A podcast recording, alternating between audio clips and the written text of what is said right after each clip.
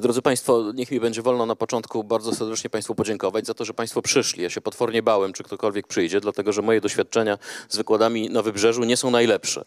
E, mówiąc, e, mówiąc krótko, kiedy po raz pierwszy przyjechałem na wykłady do Sopotu, e, to godzina mojego wykładu pokrywała się z pierwszym gwizdkiem sędziego na meczu Polska-Senegal podczas Mistrzostw Świata w Rosji. Więc na sali było 17 osób, same kobiety i wszystkie te kobiety pod ławką sprawdzały sprawdzały, jaki jest aktualny stan meczu i co chwilę się dowiadywałem 1-0 na przykład, albo coś takiego.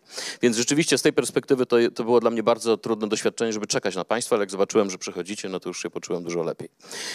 Ale z drugiej strony muszę powiedzieć, że moje doświadczenia z Gdynią jako taką są, są naprawdę dobre i są paradoksalnie związane z nauką. Dlaczego? Dlatego, że ja jestem e, ojcem trójki dzieci. Jestem także mężem ich matki, co nie jest takie znowu częste, więc wolę to podkreślać. E, I e, co jakiś czas przyjeżdżamy na, na Pomorze po to, żeby po prostu zaczerpnąć świeżego powietrza, w związku z czym robimy to w styczniu, bo w, sierpniu czy, czy w lipcu to, to, to jest dosyć karkołomne zadanie. E, I kiedy tutaj przyjeżdżamy, to zawsze staramy się zapewnić dzieciom jakieś atrakcje, a to do akwarium sobie pójdziemy, a to do jakiegoś innego miejsca, a takim ulubionym miejscem moich dzieci jest Centrum Nauki Eksperyment oczywiście, gdzie spędziliśmy długie godziny i wyniosłem stamtąd naprawdę dobre doświadczenia, nie tylko w kwestii naukowej, ale także w kwestii takiego stosunku Pomorzan do człowieka, tak bym to określił. Otóż podczas testowania jednej z tych, e, z, jednego z tych urządzeń, które miało sprawdzić, z jaką siłą jestem w stanie się rozpędzić i uderzyć w ścianę, e, no to rozpędziłem się naprawdę dosyć poważnie, uderzyłem w ścianę i połamałem sobie okulary przy okazji. E, w związku z czym no, nasz dojazd do, do miejsca zakwatorowania stanął pod dużym znakiem zapytania, ale taka miła pani, która tam nas obsługiwała w, w Centrum Nauki Eksperyment, powiedziała, nie ma sprawy, nasi fachowcy zaraz się tym zajmą. I rzeczywiście moje okulary powędrowały do jakichś takich zakładów naprawczych, które w Centrum Nauki Eksperyment funkcjonują i zostały błyskawicznie naprawione, więc moje wspomnienia są naprawdę, naprawdę porządne i, i bardzo dobre. Więc mam nadzieję, że po dzisiejszym wykładzie e, Państwo będą mieli podobne, a ja postaram się, żeby takie w istocie były. Tytuł tego e, naszego dzisiejszego spotkania jest, powiedziałbym, taki lekko postmodernistyczny, to znaczy Zabij kurę i zakop, dlaczego ludzie wierzą w rzeczy wiary niewarte. Co do pierwszej części tego tytułu, to wszystko wyjaśni się na końcu. Natomiast co do drugiej, chciałbym uczynić pewne zastrzeżenia, właściwie kilka zastrzeżeń. Otóż, drodzy Państwo, żyjemy w czasach, to się tak ładnie nazywa postprawdy. E, e, mamy do czynienia z całą masą różnego rodzaju faktów, które tak naprawdę mają charakter głównie medialny albo związany z mediami społecznościowymi, a więc z całą masą różnego rodzaju teorii, które e, z całą pewnością nie wytrzymują próby sprawdzenia naukowego, próby weryfikacji naukowej. I oczywiście możemy się śmiać z ludzi, którzy w takie rzeczy wierzą, w lewoskrętną witaminę C albo w. E, w płaską ziemię, e, albo w chemitrails, albo w całą masę różnych innych rzeczy. I oczywiście możemy z takim dużym poczuciem wyższości mówić o nich, och, ależ oni są niemądrzy, och, ależ oni są niewykształceni, wierzą w takie, w takie brednie. E, zresztą ja często się z takimi ludźmi spotykam. No, taki pan Artur, który w moim domu wykonuje różne proste czynności, których ja wykonać nie potrafię, to jest człowiek, który mi zadaje często takie pytania na przykład, czy ma pan dowody na to, że Ziemia jest okrągła, prawda? I muszę Państwu powiedzieć, że to jest fascynujące dla człowieka, że naprawdę musi szukać dowodów na to, że Ziemia jest okrągła, bo on w to nie wierzy i trzeba mu to tłumaczyć, e, a i tak do końca nie jest w stanie, nie jest w stanie mi zaufać. I pamiętam, że kiedyś na przykład zapytał mnie, czy to jest prawda, że jak człowiek zostanie świadkiem Jehowy, to automatycznie otrzymuje 250 tysięcy złotych? E, tak na wejście. E, ja powiedziałem, że nic o tym nie wiem i nie przypuszczam, żeby takie rzeczy mogły się, mogły się dziać. Więc pan Artur wtedy tak westchnął i pomyślał, wie pan co, panie Tomku, żeby się tak dowiedzieć, kto tym wszystkim rządzi i się do nich zapisać. I muszę powiedzieć, że mnie to ujęło, że on tak bardzo jasno sformułował swoje oczekiwania co do, co do świata. Więc my oczywiście możemy z takich ludzi kpić, możemy sobie zadawać różnego rodzaju pytania, jak to jest możliwe, że w XXI wieku, w wieku y, postmodernizacyjnym, w wieku, w którym już dawno wszystko właściwie zostało odkryte, napisane, wyjaśnione i tak dalej, i tak ciągle są ludzie, którzy w takie rzeczy wierzą. E, ale z drugiej strony możemy sobie zadać to pytanie trochę inne. Ja chciałbym, żebyśmy e, trochę inaczej i chciałbym, żebyśmy to pytanie właśnie dzisiaj nieco inaczej sformułowali. E, to znaczy, dlaczego oni to robią? Co oni z tego mają? Dlaczego ludzie, którzy wierzą w różnego rodzaju rzeczy wiary niewarte, ciągle to robią?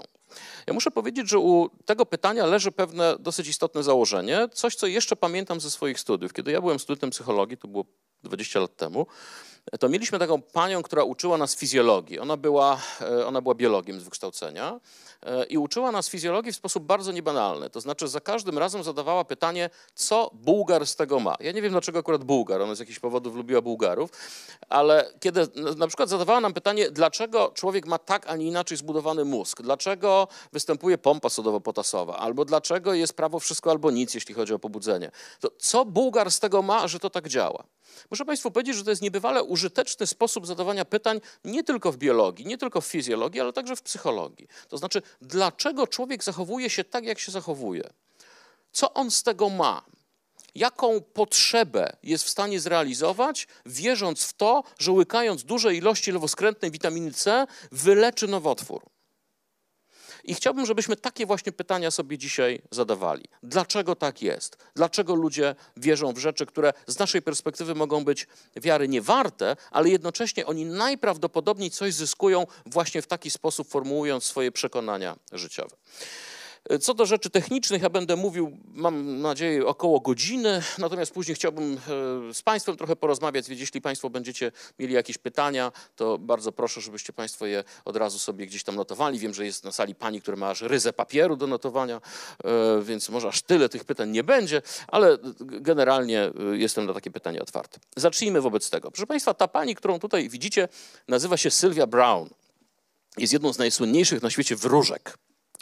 Sylwia Brown ma pseudonim Szpony, y, dlatego że rzeczywiście jak się popatrzy na jej dłonie, to mają takie bardzo, bardzo charakterystyczne paznokcie. Sylwia Brown jest jedną z najsłynniejszych amerykańskich wróżek, kobietą, która y, występuje w amerykańskich telewizjach różnego rodzaju niebywale często y, i zajmuje się przepowiadaniem przyszłości, tłumaczeniem, ludzi, dla, tłumaczeniem ludziom, dlaczego są w takim miejscu, a nie innym w swoim życiu, e, dlaczego powinni podjąć pewne działania, żeby ich życie nabrało rozpędu, co powinni zrobić, żeby było lepiej itd. Tak itd. Tak a więc Sylwia Brown jest też Chris, Chris to jest jej syn.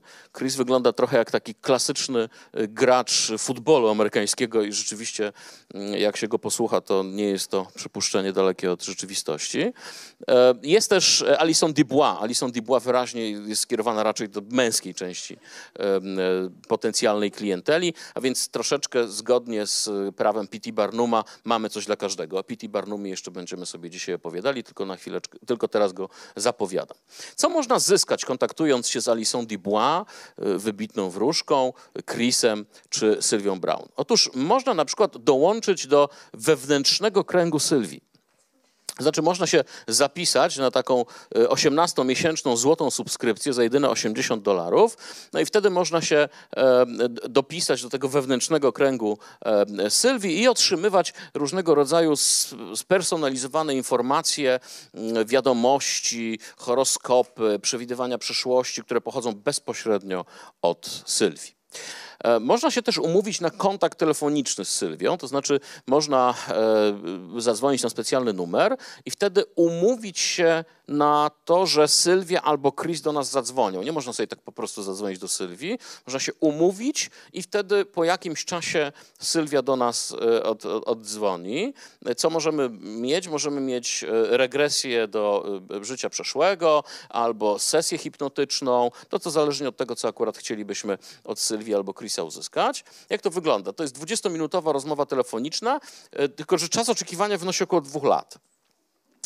E, I od razu możecie sobie Państwo zadać pytanie, czy to jest tak, że rzeczywiście mamy całą masę osób, które koniecznie chcą się z Sylwią albo z Chrisem skontaktować i rzeczywiście czas oczekiwania wynosi dwa lata?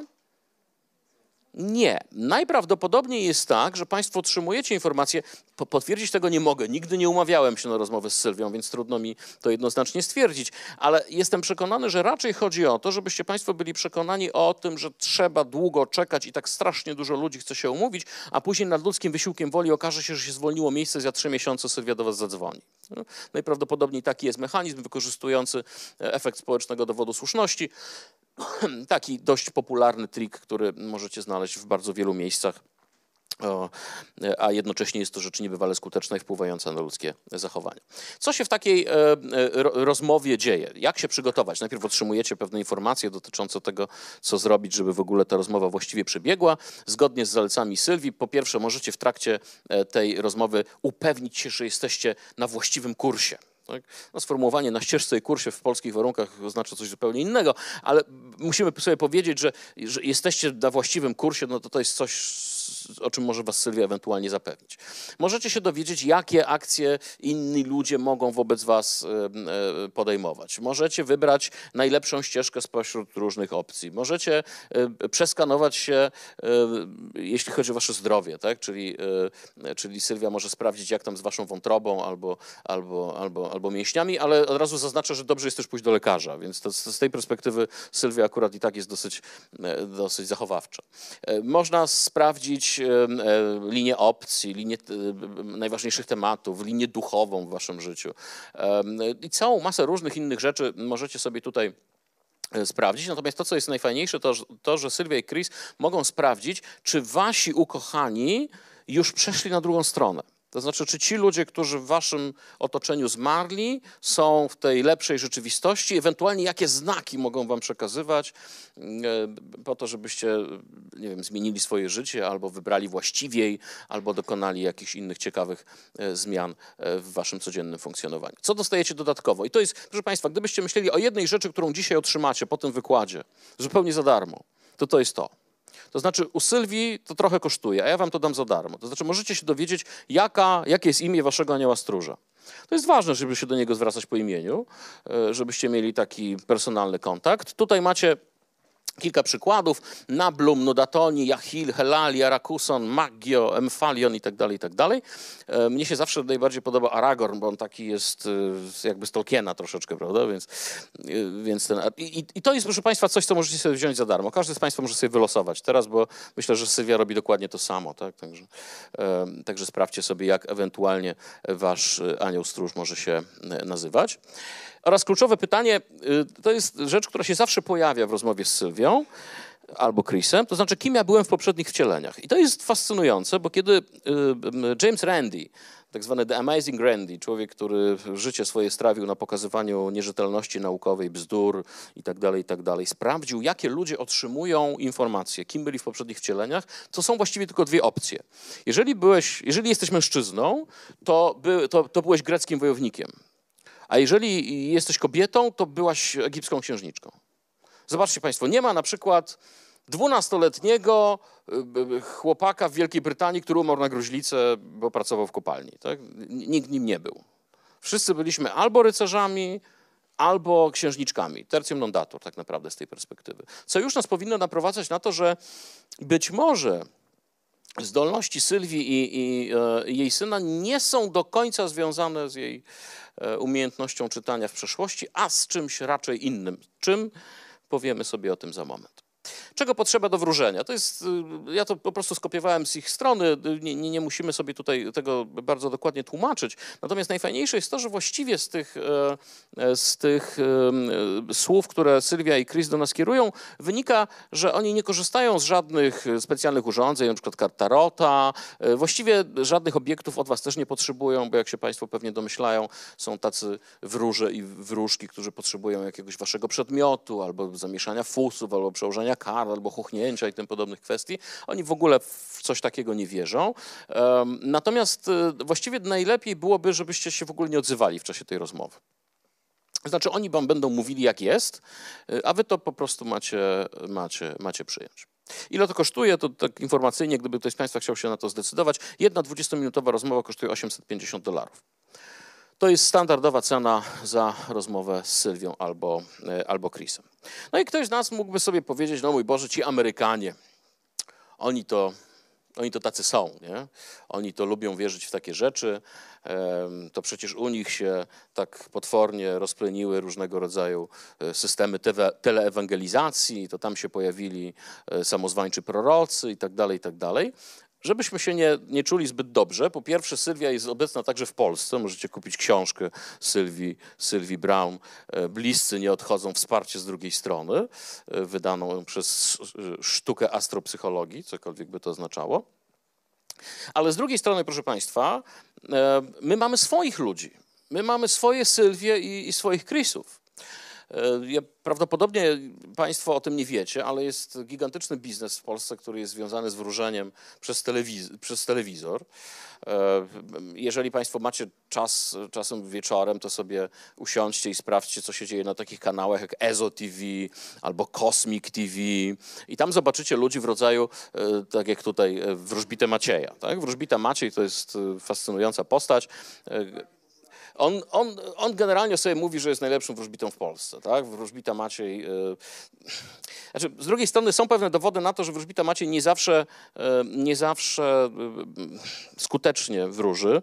Państwo być może o tym nie wiedzą, ale ja się w ten biznes, że tak powiem, zanurzyłem prawie że po uszy, więc mogę Państwu powiedzieć, że kilka lat temu wydarzył się duży skandal w świecie polskiego biznesu wróżbiarskiego, dlatego że oprócz wróżbity Macieja pojawił się wróżbita Dawid. I wróżbita Dawid był realną konkurencją dla wróżbity Macieja. Po pierwsze potrafił robić rzeczy, których wróżbita Maciej nie potrafi, to znaczy na przykład potrafił zdejmować przewiązanie w trzecim pokoleniu, albo nakładać płaszcz ochronny, e, albo tego typu rzeczy. Wróżbita Maciej się takimi rzeczami nie zajmował. Ale wróżbita Dawid rzeczywiście stał się realną konkurencją, tylko w którymś momencie jego kariera się załamała, wtedy kiedy ktoś wyniuchał, że wróżbita Dawid oprócz tego, że w Polsce pracuje jako wróżbita, to jednocześnie jest zarejestrowanym gejowskim aktorem porno w Berlinie.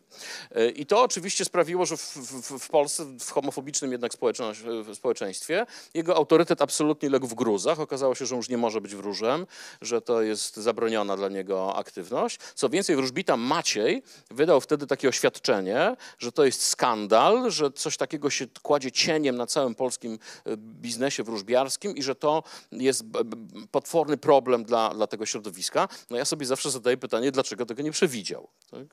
Więc właściwie można by się zastanawiać, dlaczego te rzeczy się Właśnie może nie miał założonego płaszczu ochronnego. Ten płaszcz ochronny to jest coś dobrego, jeśli ja dobrze rozumiem e, wróżbitę, wróżbitę Dawida. Zresztą y, spróbujcie Państwo sobie poszukać, bo YouTube jest pełen różnego rodzaju filmików z takimi najciekawszymi dzwoniącymi do wróżbity Dawida czy wróżbity Macieja. I to są naprawdę bardzo pouczające historie. Tak? Naprawdę się wielu rzeczy można tam dowiedzieć.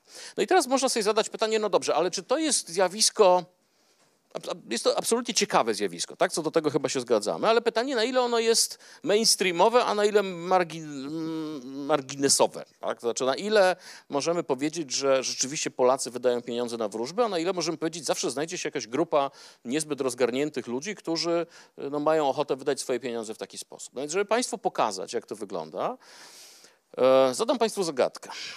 Żeby pokazać Państwu skalę wielkości, Polacy, jako jedni z największych lekomanów w Europie, w ciągu roku wydają około 8 miliardów złotych na leki OTC. Leki OTC to, jest tak, to są tak zwane leki off the counter, czyli te, których nie przepisuje lekarz.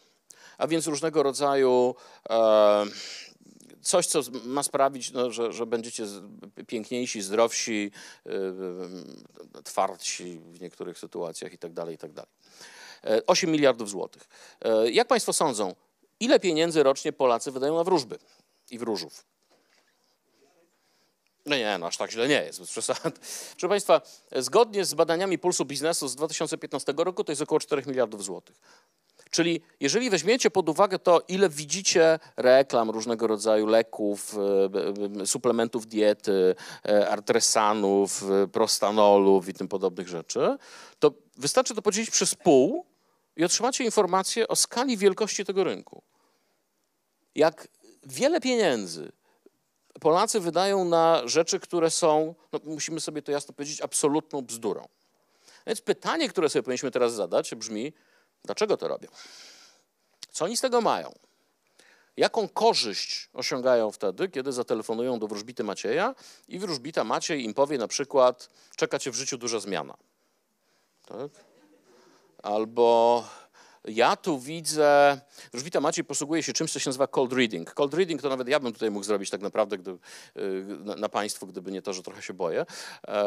Cold reading polega na tym, że człowiek udaje, że coś widzi, po czym wychwytując reakcję publiczności jest w stanie określić kogoś, kto e, no, spełnia pewne kryteria. Na przykład gdybym teraz zaczął mówić, czuję, że na tej sali jest jakaś osoba, która, która miała jakiś problem z wodą.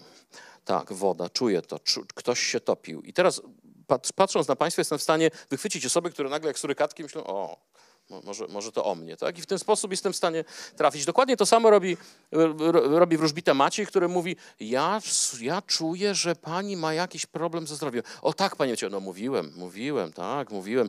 To chyba coś, coś w brzuchu, coś, coś tam wewnątrz pani się dzieje. I w ten sposób jesteśmy w stanie rzeczywiście ludziom wmówić niebywałe zupełnie, e, niebywałe zupełnie rzeczy. No więc pytanie, po co? Dlaczego tak się dzieje? Zacznijmy od wyjaśnienia sobie, skąd się to, ta idea w ogóle wzięła. I tutaj powiedzmy sobie o tak zwanym efekcie Barnuma.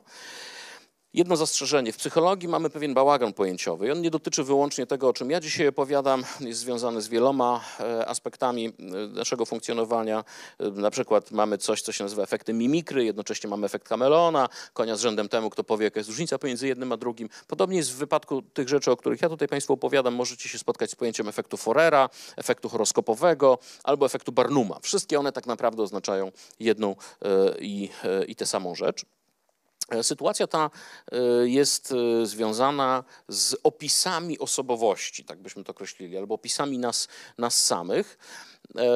Nazwa bierze się stąd, że ten gentleman, którego widzicie po prawej, to był P.T. Barnum, człowiek, który był właścicielem największego cyrku w Stanach Zjednoczonych. W, na przełomie XIX i XX wieku. I P.T. Barnum miał taką bardzo sensowną strategię biznesową, która się nazywała Mamy coś dla każdego.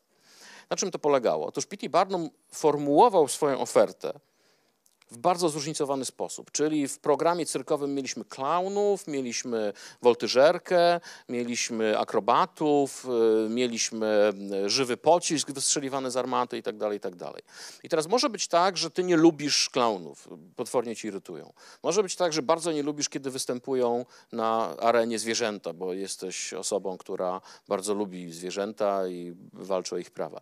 Ale nie ma takiej możliwości, żeby z tego całego peletażu, który przygotował dla ciebie P.T. Barnum, coś ci się nie spodobało. Czyli tworzymy taką ofertę, która jest na tyle zróżnicowana, że coś ci się spodobać musi. Na tej samej zasadzie możemy stworzyć opis człowieka. Opis człowieka, który ludzie będą uznawali za niezwykle trafny, podczas gdy w istocie, w istocie będzie on dopasowany do bardzo wielu ludzi. Jak to może wyglądać? Proszę Państwa, to jest taka tablica ze znakami zodiaku. Przypomina mi się taki żart, który kiedyś dosyć często wykonywaliśmy, kiedy byliśmy na, na, na studiach i kiedy ktoś nas pytał na przykład, jakiego jesteś znaku zodiaku, to my wtedy mówiliśmy pingwin. I, I, oni mówili, ale jak to, nie ma takiego znaku pingwin. No, żadnego nie ma tak naprawdę, więc co za różnica, może być pingwin, pingwin z tej perspektywy. E, proszę Państwa, tutaj mamy tych 12 najbardziej klasycznych znaków zodiaku. No i teraz pytanie, kto z Państwa czyta horoskopy? Dlaczego Pani czyta horoskopy? Z ciekawości. Z ciekawości. No, nie mogę pani zapytać, czy pani wierzy w horoskopy, bo cokolwiek by pani powiedziała, to i tak tutaj już ale, ale pani czyta. Proszę Państwa, ja kiedyś pracowałem w mediach i muszę Państwu powiedzieć, że najczęściej pisanie horoskopów zleca się ludziom, którzy coś zawalili w ubiegłym tygodniu. To znaczy, jeżeli na przykład nie oddałeś tekstu na czas, albo nie wiem, dałeś ciała, gdzieś miałeś być, a cię nie było, nie przygotowałeś materiału, to przez cały następny tydzień piszesz horoskopy.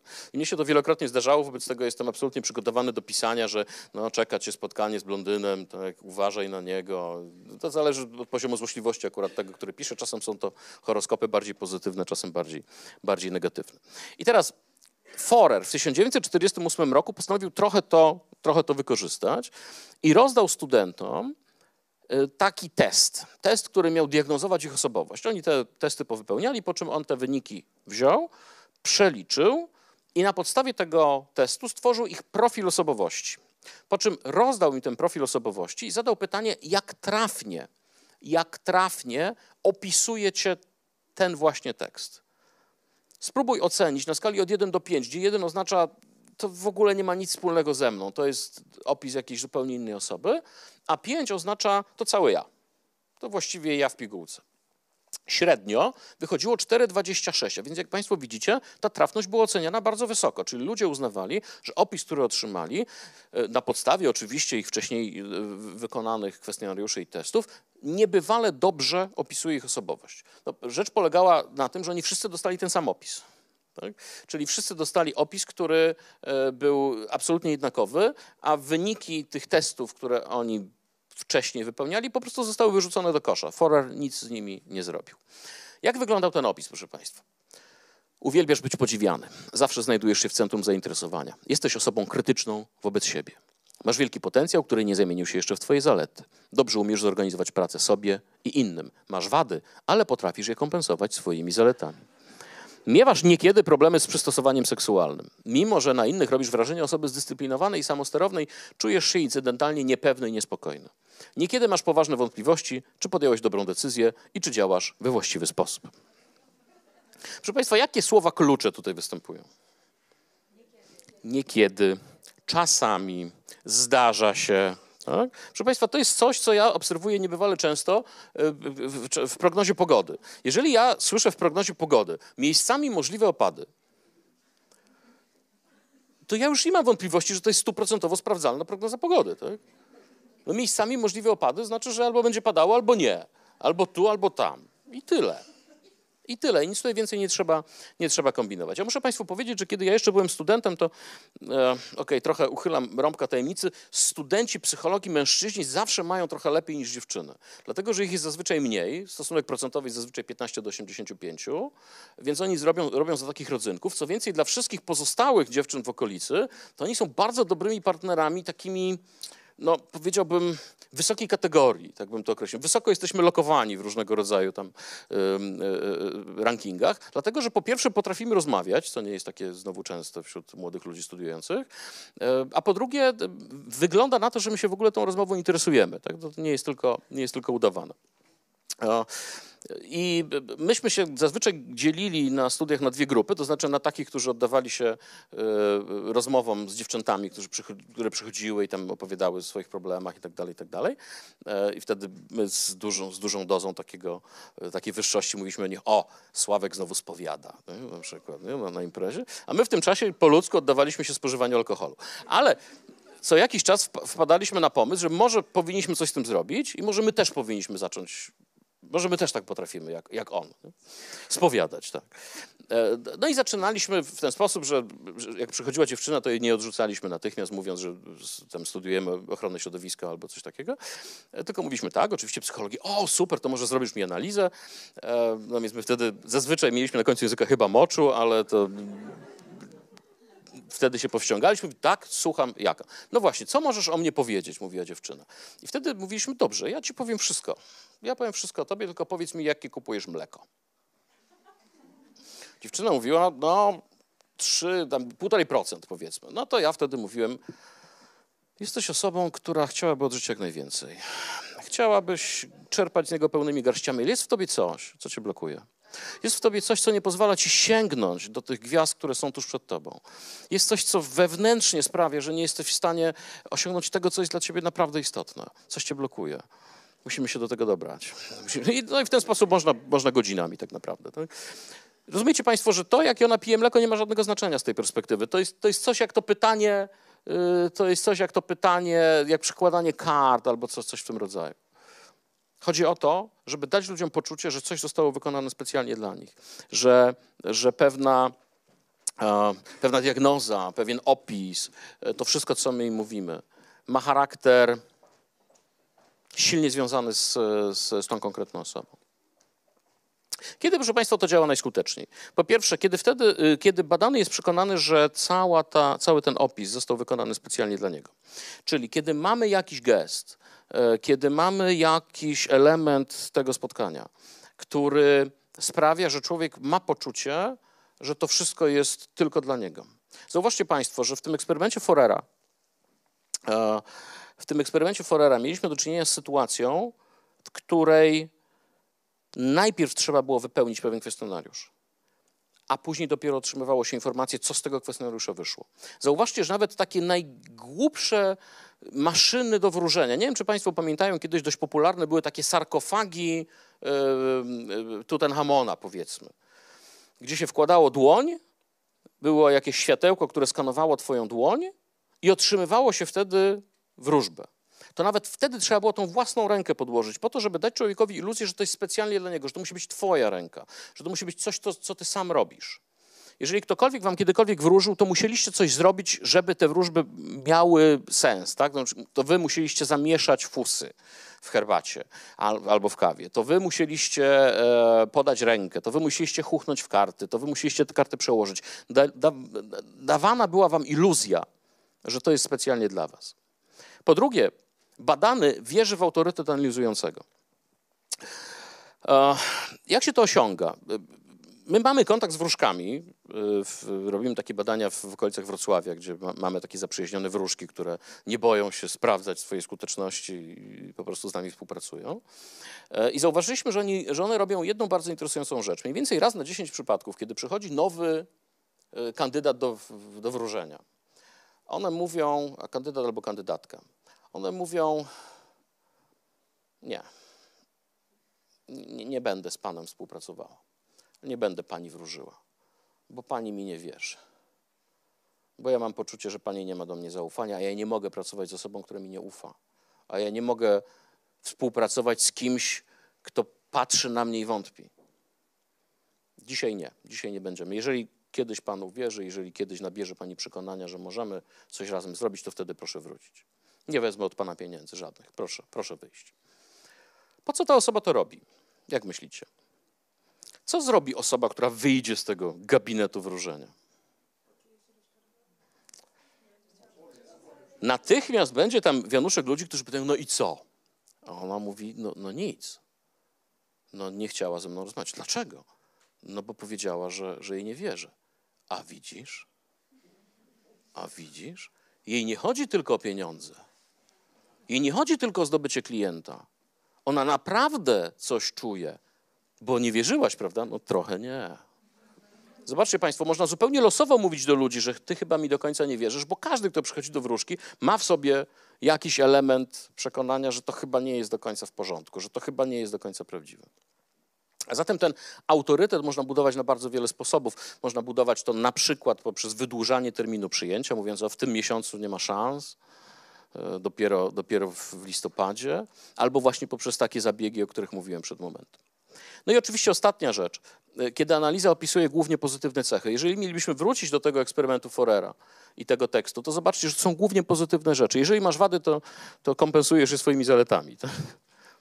A zatem my lubimy słuchać pozytywnych rzeczy, my lubimy słuchać rzeczy dobrych, takich, które o nas po prostu dobrze, dobrze świadczą.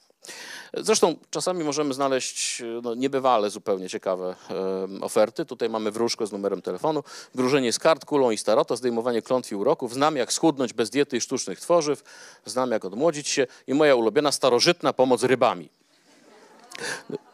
Także gdybyście Państwo kiedyś wpadli na pomysł, jak można starożytnie pomagać rybami, to proszę dać mi, proszę dać mi znać. No dobrze. Czyli mamy coś, co można by nazwać case study. To znaczy mamy ludzi, którzy szukają takiego kontaktu. Mamy ludzi, którzy wydają, jak sobie pokazaliśmy, spore pieniądze po to, żeby. No właśnie, żeby co? Dlaczego ludzie w to wierzą? Co, co ludzie dzięki temu mają? Dziesięć powodów, dla których ludzie wierzą w rzeczy wiary niewarte, wymienili Lilienfeld oraz jego współpracownicy. Jest taka fantastyczna książka, która mówi o, która mówi o mitach e, w, w psychologii i między innymi wskaza, wskazano jest tam dziesięć powodów, dla których ludzie wierzą w takie rzeczy. Dziesięć powodów, dla których my chcemy trochę sami się oszukiwać. I chciałbym, żebyśmy sobie przez te dziesięć powodów teraz po kolei przeszli. Mamy po kolei wiarę w przekaz ustny, potrzebę łatwych odpowiedzi, selektywność pamięci i percepcji, wnioskowanie po korelacji, zasadę post hoc ergo propter hoc, niereprezentatywną próbę, wnioskowanie z podobieństwa, fałszywy obraz w mediach, wyolbrzymianie oraz tak zwany zamęt terminologiczny. Zacznijmy od tej pierwszej, zacznijmy od wiary w przekaz ustny. Proszę Państwa, w każdym społeczeństwie, w każdej społeczności będziecie mieli całą masę różnego rodzaju mądrości życiowych. Tak? Na przykład przeciwieństwa się przyciągają, kto się czubi, ten się lubi. Jak pokazał Giga Renzer, taki e, Amerykanin niemieckiego, jeśli dobrze pamiętam, pochodzenia w 2007 roku, powszechność przekonań jest źródłem wiary w ich prawdziwość. To znaczy, generalnie rzecz ujmując, ludzie mają przekonanie, że im bardziej powszechne jest, im bardziej powszechna jest jakaś opinia, im więcej ludzi uważa w dany sposób, tym bardziej prawdziwe jest to przekonanie. Nie próbujemy tego konfrontować z rzeczywistością, nie próbujemy tego w jakikolwiek sposób falsyfikować. Wystarcza nam przekonanie, że wiele osób w to wierzy, że wiele osób, wiele osób uważa to za prawdziwe. Czyli generalnie jest tak, że im więcej razy słyszymy jakiś pogląd, tym bardziej wierzymy, że coś w tym musi być. Zauważcie Państwo jednak, że gdybyśmy się przyjrzeli tym właśnie mądrościom e, w, w, w różnych postaciach, to najprawdopodobniej zobaczylibyśmy, że na każdą mądrość możemy znaleźć kontrmądrość. Tak? Czyli z jednej strony możecie się Państwo dowiedzieć, że przeciwieństwa się przyciągają, e, jeśli chodzi na przykład o dobieranie się ludzi w pary, e, ale z drugiej strony często możecie usłyszeć o tym, że jest jakaś e, druga połówka pomarańczy, tak? czyli ktoś, kto jest właściwie dokładnie taki sam jak ty tylko czeka na ciebie, tylko musisz go we właściwy sposób odnaleźć. Czyli zauważcie Państwo, że gdyby się przyjrzeć bardzo dokładnie tym mądrościom ludowym, to okazałoby się, że na każdą mądrość mamy kontrmądrość. Czyli właściwie każda z wymienionych e, e, przez nas, każdy z wymienionych przez nas zjawisk może odnaleźć swoje źródło w, w takich mądrościach ludowych. A zatem z pewnej perspektywy te mądrości nie mają charakteru pokazującego jakieś zjawisko, ale raczej tłumaczącego to zjawisko post factum. Czyli jeżeli coś się wydarzyło, to na pewno znajdziemy mądrość, która to uzasadnia że tak mogłoby być. Tak? A zatem pierwszy powód, dla, których, dla którego ludzie wierzą w rzeczy, które są kompletnie wiary niewarte, to to, że po prostu my tak uważamy, że sporo ludzi tak myśli, że to jest powszechne przekonanie, bo przecież wszyscy tak mówią. Więc jeżeli wszyscy tak mówią, że, e, że coś, no to tak musi być. No to musimy się z tym zgodzić. Y, nie mamy tutaj wiele, wiele do powiedzenia. A że można znaleźć mądrość na każdą okazję, no to tak naprawdę można się odnosić do wszystkich zjawisk dookoła nas, odwołując się właśnie do tego przekazu ustnego. Kolejna rzecz to jest potrzeba łatwych odpowiedzi. Otóż ogromna część naszych badań pokazuje, że ludzie lubią tak zwane urzekająco proste rozwiązania. Czyli jeżeli ktoś nam wytłumaczy, że jakieś rzeczy dzieją się dlatego, że E, no to my to przyjmiemy bo to jest proste, bo to jest atrakcyjne, bo to tłumaczy w sposób bardzo e, jasny, klarowny, e, dlaczego, dlaczego rzeczy są takie, jakie są. O, na przykład mamy dość powszechne przekonanie, że ludzie wykorzystują w takim codziennym funkcjonowaniu jedynie 10% możliwości mózgu. Albo w takiej bardzo e, strywializowanej wersji tylko 10% mózgu jest tak naprawdę używanych. Jeden z moich kolegów wtedy zazwyczaj odpowiada, słuchaj, to które 90 mogę ci wyciąć? Tak? Bez, bez specjalnego problemu. No to jeżeli ktoś wierzy w coś takiego, to z całą pewnością może stwierdzić, ok, to teraz weźmiemy sobie jakiś kurs, najlepiej online, który sprawi, że ja się nauczę wykorzystywać pozostałe 90% i będę geniuszem. Jestem w stanie się wszystkiego nauczyć, jestem w stanie się um, zmierzyć z każdą trudnością życiową, jestem w stanie wszystkie problemy we właściwy sposób rozwiązać. Innym przykładem tego zjawiska jest coś, co się wydarzyło za tak zwanego pierwszego PiSu, kiedy to ministrem edukacji był Roman Giertych, który, jak pewnie Państwo pamiętają, usilnie wprowadzał do Polski i do polskich szkół, wtedy przede wszystkim do gimnazjów, mundurki szkolne. Na pytanie, dlaczego te mundurki szkolne powinny być wprowadzone. Ministerstwo Edukacji, głównie ustami wiceministra edukacji, wtedy Mirosława Orzechowskiego, e, mówiło, no bo najlepsze szkoły na świecie mają mundurki, takie jak Eton na przykład, w związku z tym jak my wprowadzimy mundurki, to nasze szkoły staną się najlepsze na świecie. Na podobnej zasadzie profesor Doliński, mój serdeczny przyjaciel, postulował wtedy sprowadzenie do Polski kangurów. I jak ludzie pytali, dlaczego kangury, to on mówił, w Australii są bardzo dobre uniwersytety. No więc jeżeli sprowadzimy kangury do Polski, no to wtedy te nasze uniwersytety też się staną bardzo dobre. Bo to jest dokładnie takie samo myślenie. To jest myślenie w kategoriach magicznych. Jeżeli ja zrobię jedną rzecz, nagle wszystko stanie się, e, stanie się, e, stanie się inne. A zatem te urzekająco proste rozwiązania z tej perspektywy mogą się jawić po prostu jako bardzo atrakcyjne. Lubimy rzeczy, które w prosty sposób tłumaczą nam świat. Kolejna rzecz, niebywale istotna, e, selektywność pamięci i percepcji. tutaj chciałbym, żebyśmy się na troszeczkę dłużej przy tej tabeli zatrzymali. Otóż Lilienfeld oraz jego współpracownicy mówią o czymś, co się nazywa wielką czteroelementową tabelą życia. Na czym to polega? Zauważmy, że e, jesteśmy w stanie za pomocą tej tabeli opisać bardzo wiele rzeczy. Ok, spróbujmy zrobić drobny eksperyment. Czy macie Państwo jakąś prywatną teorię mówiącą o tym, jacy kierowcy jeżdżą gorzej niż inni. Mm. Czapkach, tak? Jest, jest teoria, która mówi, że ludzie w, ludzie w czapkach y, jeżdżą, jeżdżą gorzej. A jak to się jeszcze wiąże z takim zaawansowanym wiekiem i tym, że jest to kapelusz, a nie czapka, no to już wszystko wiemy, prawda? Załóżmy, że mamy taką teorię, która mówi, że ci, a nie macie takich, y, prze, takich przekonań, że ci, którzy mają specyficzną rejestrację, jeżdżą gorzej? Mhm, mhm. E, co to będzie u was? Zaraz. GWE, no. Ci, ci z Wejherowa. To... Dobra, załóżmy, że, załóżmy że, że, że, że czepiamy się tych z Wejherowa. Jedziecie sobie samochodem i nagle kierowca przed wami wyrzuca kierunkowskaz w lewo i skręca w prawo. Tak? Albo jeszcze lepiej y, skręca w prawo i włącza wycieraczki, nie? bo to też są takie akcje. I patrzycie na jego rejestrację. Jeżeli tam jest GWE, to co mówicie? Wiedziałem. To jasne. A jeżeli tam jest coś zupełnie innego, jest GD na przykład, to wtedy mówicie gupek. Zauważcie Państwo, że czymś zupełnie innym jest powiedzieć, że ten z GWE jeździ tak, jak jeździ i ten jeździ tak, jak jeździ, bo jest głupkiem. Bo jeżeli my mówimy, że on wykonał ten manewr dlatego, że jest głupkiem, to on jest głupkiem na swój prywatny użytek. I to tylko on jest tym głupkiem. Jeżeli mówimy, że on jest kiepskim kierowcą, bo ma rejestrację GWE, to my się wzmacniamy w pewnym stereotypie. To my po raz kolejny mówimy wiedziałem. Tak? Ale teraz zobaczcie Państwo, że kiedy ktoś wpuści was podporządkowanej, albo mrugnie wam, że stoją gdzieś i suszą misiaczki tak zwane, tak? i zobaczycie, że on ma rejestrację GWE, to co wtedy robicie? Nic. Nic. Zobaczcie Państwo, że możemy to sobie rozpisać, że mamy rejestrację GWE, nie GWE, jak głupek, nie jak głupek.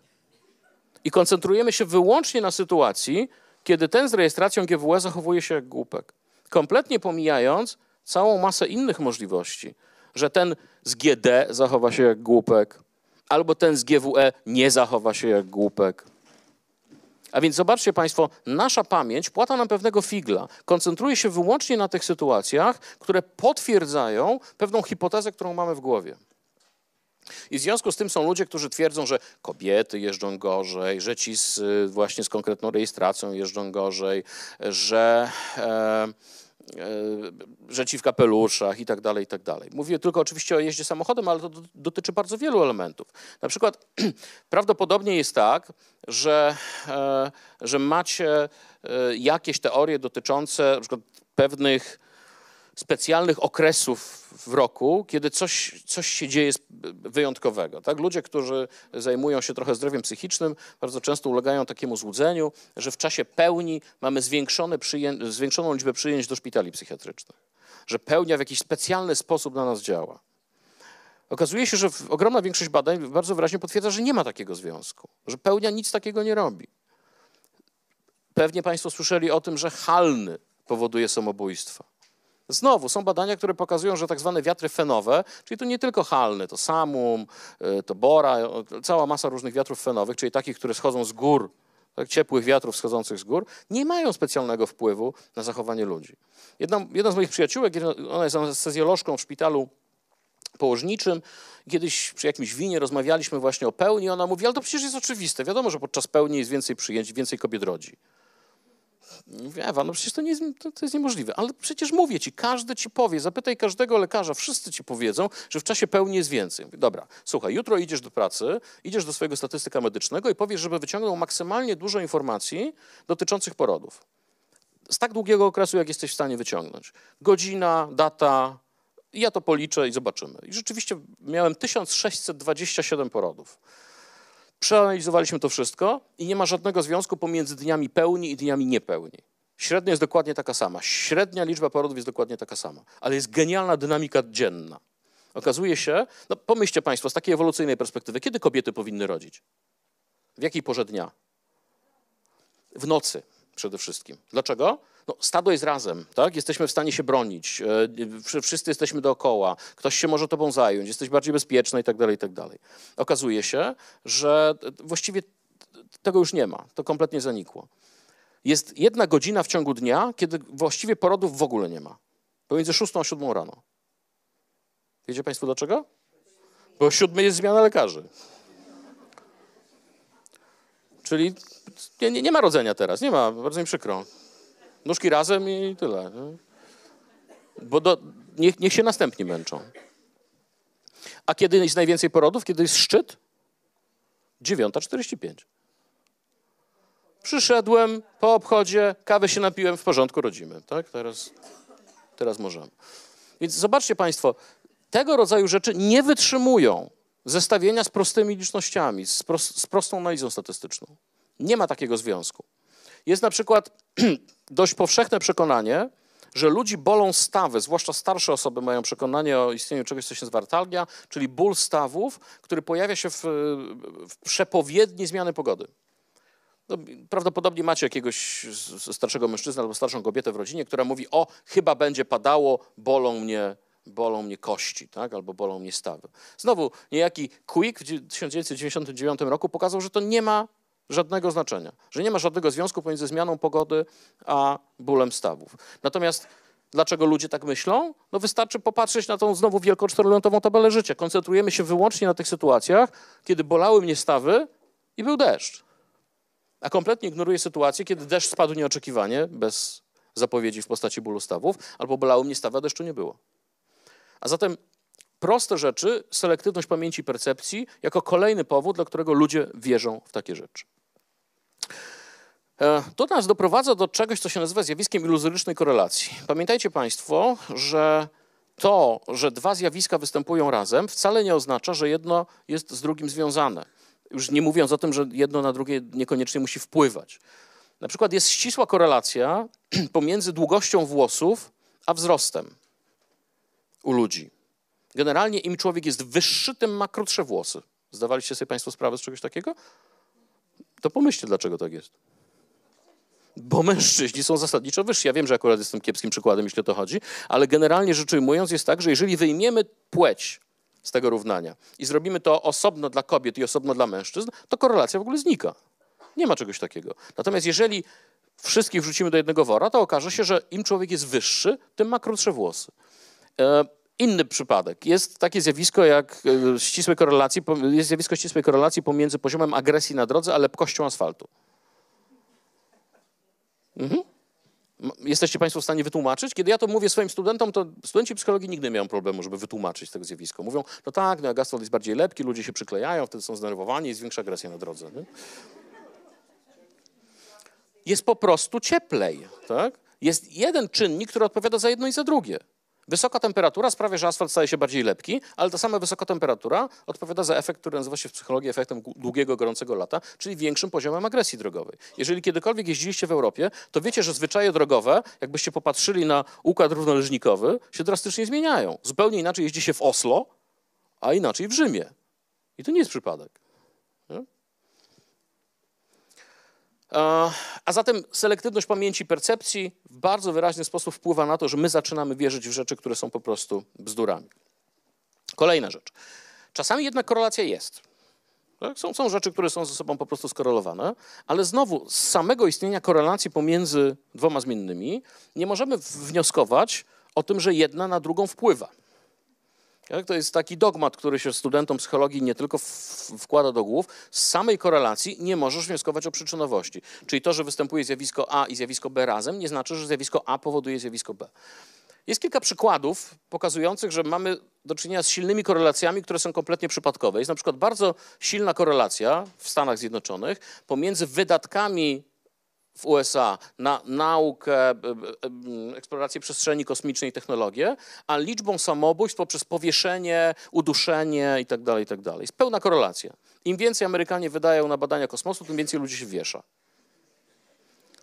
I teraz znowu, dajcie to psychologom, zaraz wam wytłumaczymy. Nie? Ta absurdalna pogoń za nowoczesnością powoduje, że ludzie stają się bardziej zamknięci w sobie, nie mają relacji itd. Tak itd. Tak nie, to jest kompletna bzdura. Nie tak. To jest kompletnie przypadkowa korelacja. Jeżeli weźmiesz 5 tysięcy zmiennych, to niektóre będą ze sobą korelowały tylko dlatego, że po prostu tak zdarzył, taki jest los. Tak? To jest kompletnie przypadkowe. Mam nadzieję, że tutaj też nie będę musiał Państwa do tego przekonywać. Jest ścisła korelacja pomiędzy ludźmi, którzy się, liczbą ludzi, którzy się utopili w basenie, a liczbą filmów, w których występował Nicolas Cage w danym roku. No, są tacy, którzy już są w stanie zrozumieć te związki przyczynowo-skutkowe. Prawda? Albo jeszcze ciekawsza e, korelacja pomiędzy wskaźnikiem rozwodów w stanie Maine a z konsumpcją margaryny. No, Proszę Państwa, powtórzę, jeżeli weźmiesz kilka tysięcy zmiennych i zaczniesz ze sobą korelować, to niektóre z nich będą po prostu korelowały ze sobą w sposób przypadkowy. I ten człowiek, którego macie tutaj na zdjęciu, Tyler Wigan, to jest człowiek, który tropi takie tak zwane spurious correlations, tak? czyli takie kompletnie przypadkowe korelacje, z których ludzie czasami wnioskują przyczynowo-skutkowo, a kompletnie nie mają do tego prawa. A zatem z samego wystąpienia korelacji także nie możemy wnioskować o tym, że jest związek przyczynowo-skutkowy pomiędzy zmiennymi. Kilka przykładów. Niejaki Widom w 1989 roku pokazał, że istnieje korelacja pomiędzy doświadczaniem przemocy fizycznej w dzieciństwie a skłonnością do agresji w wieku dorosłym.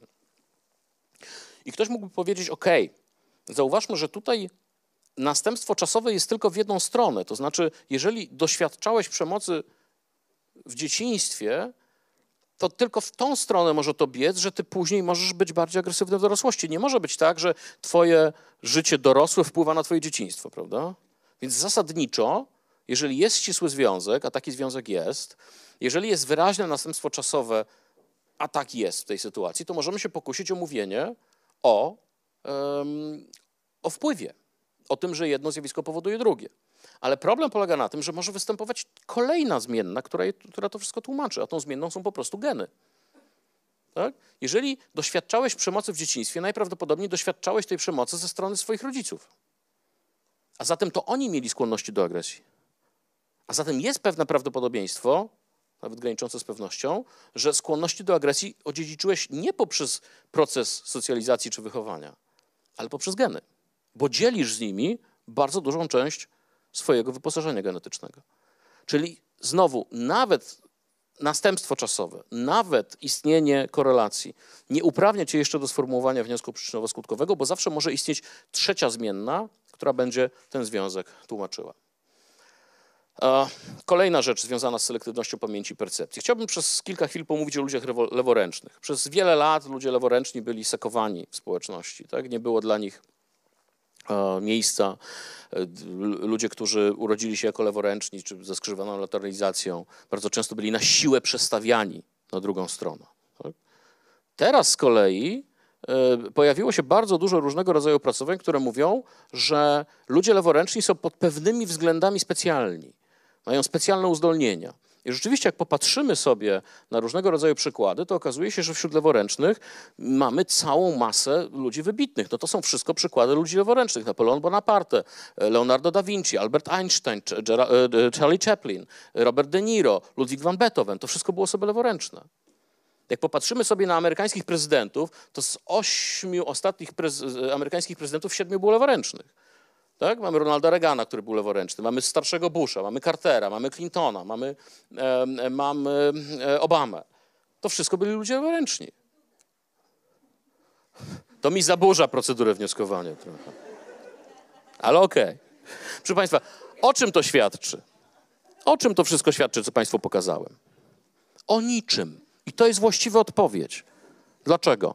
Bo zupełnie świadomie wykonałem na Państwu pewien zabieg, pokazujący pewną iluzoryczną korelację. Czyli pokazałem Państwu to, to, to. Czy to przypadek? Nie sądzę, odpowiedziałbym, prawda? A Państwo możecie już teraz powiedzieć, może tak. Jeżeli w każdej populacji macie od 8 do 10% ludzi, którzy są leworęczni, to to nie jest żaden problem, żeby wziąć populację ludzi wybitnych, wziąć z nich te 8 czy 10%, które jest leworęcznych i pokazać w rzędzie i powiedzieć, przypadek?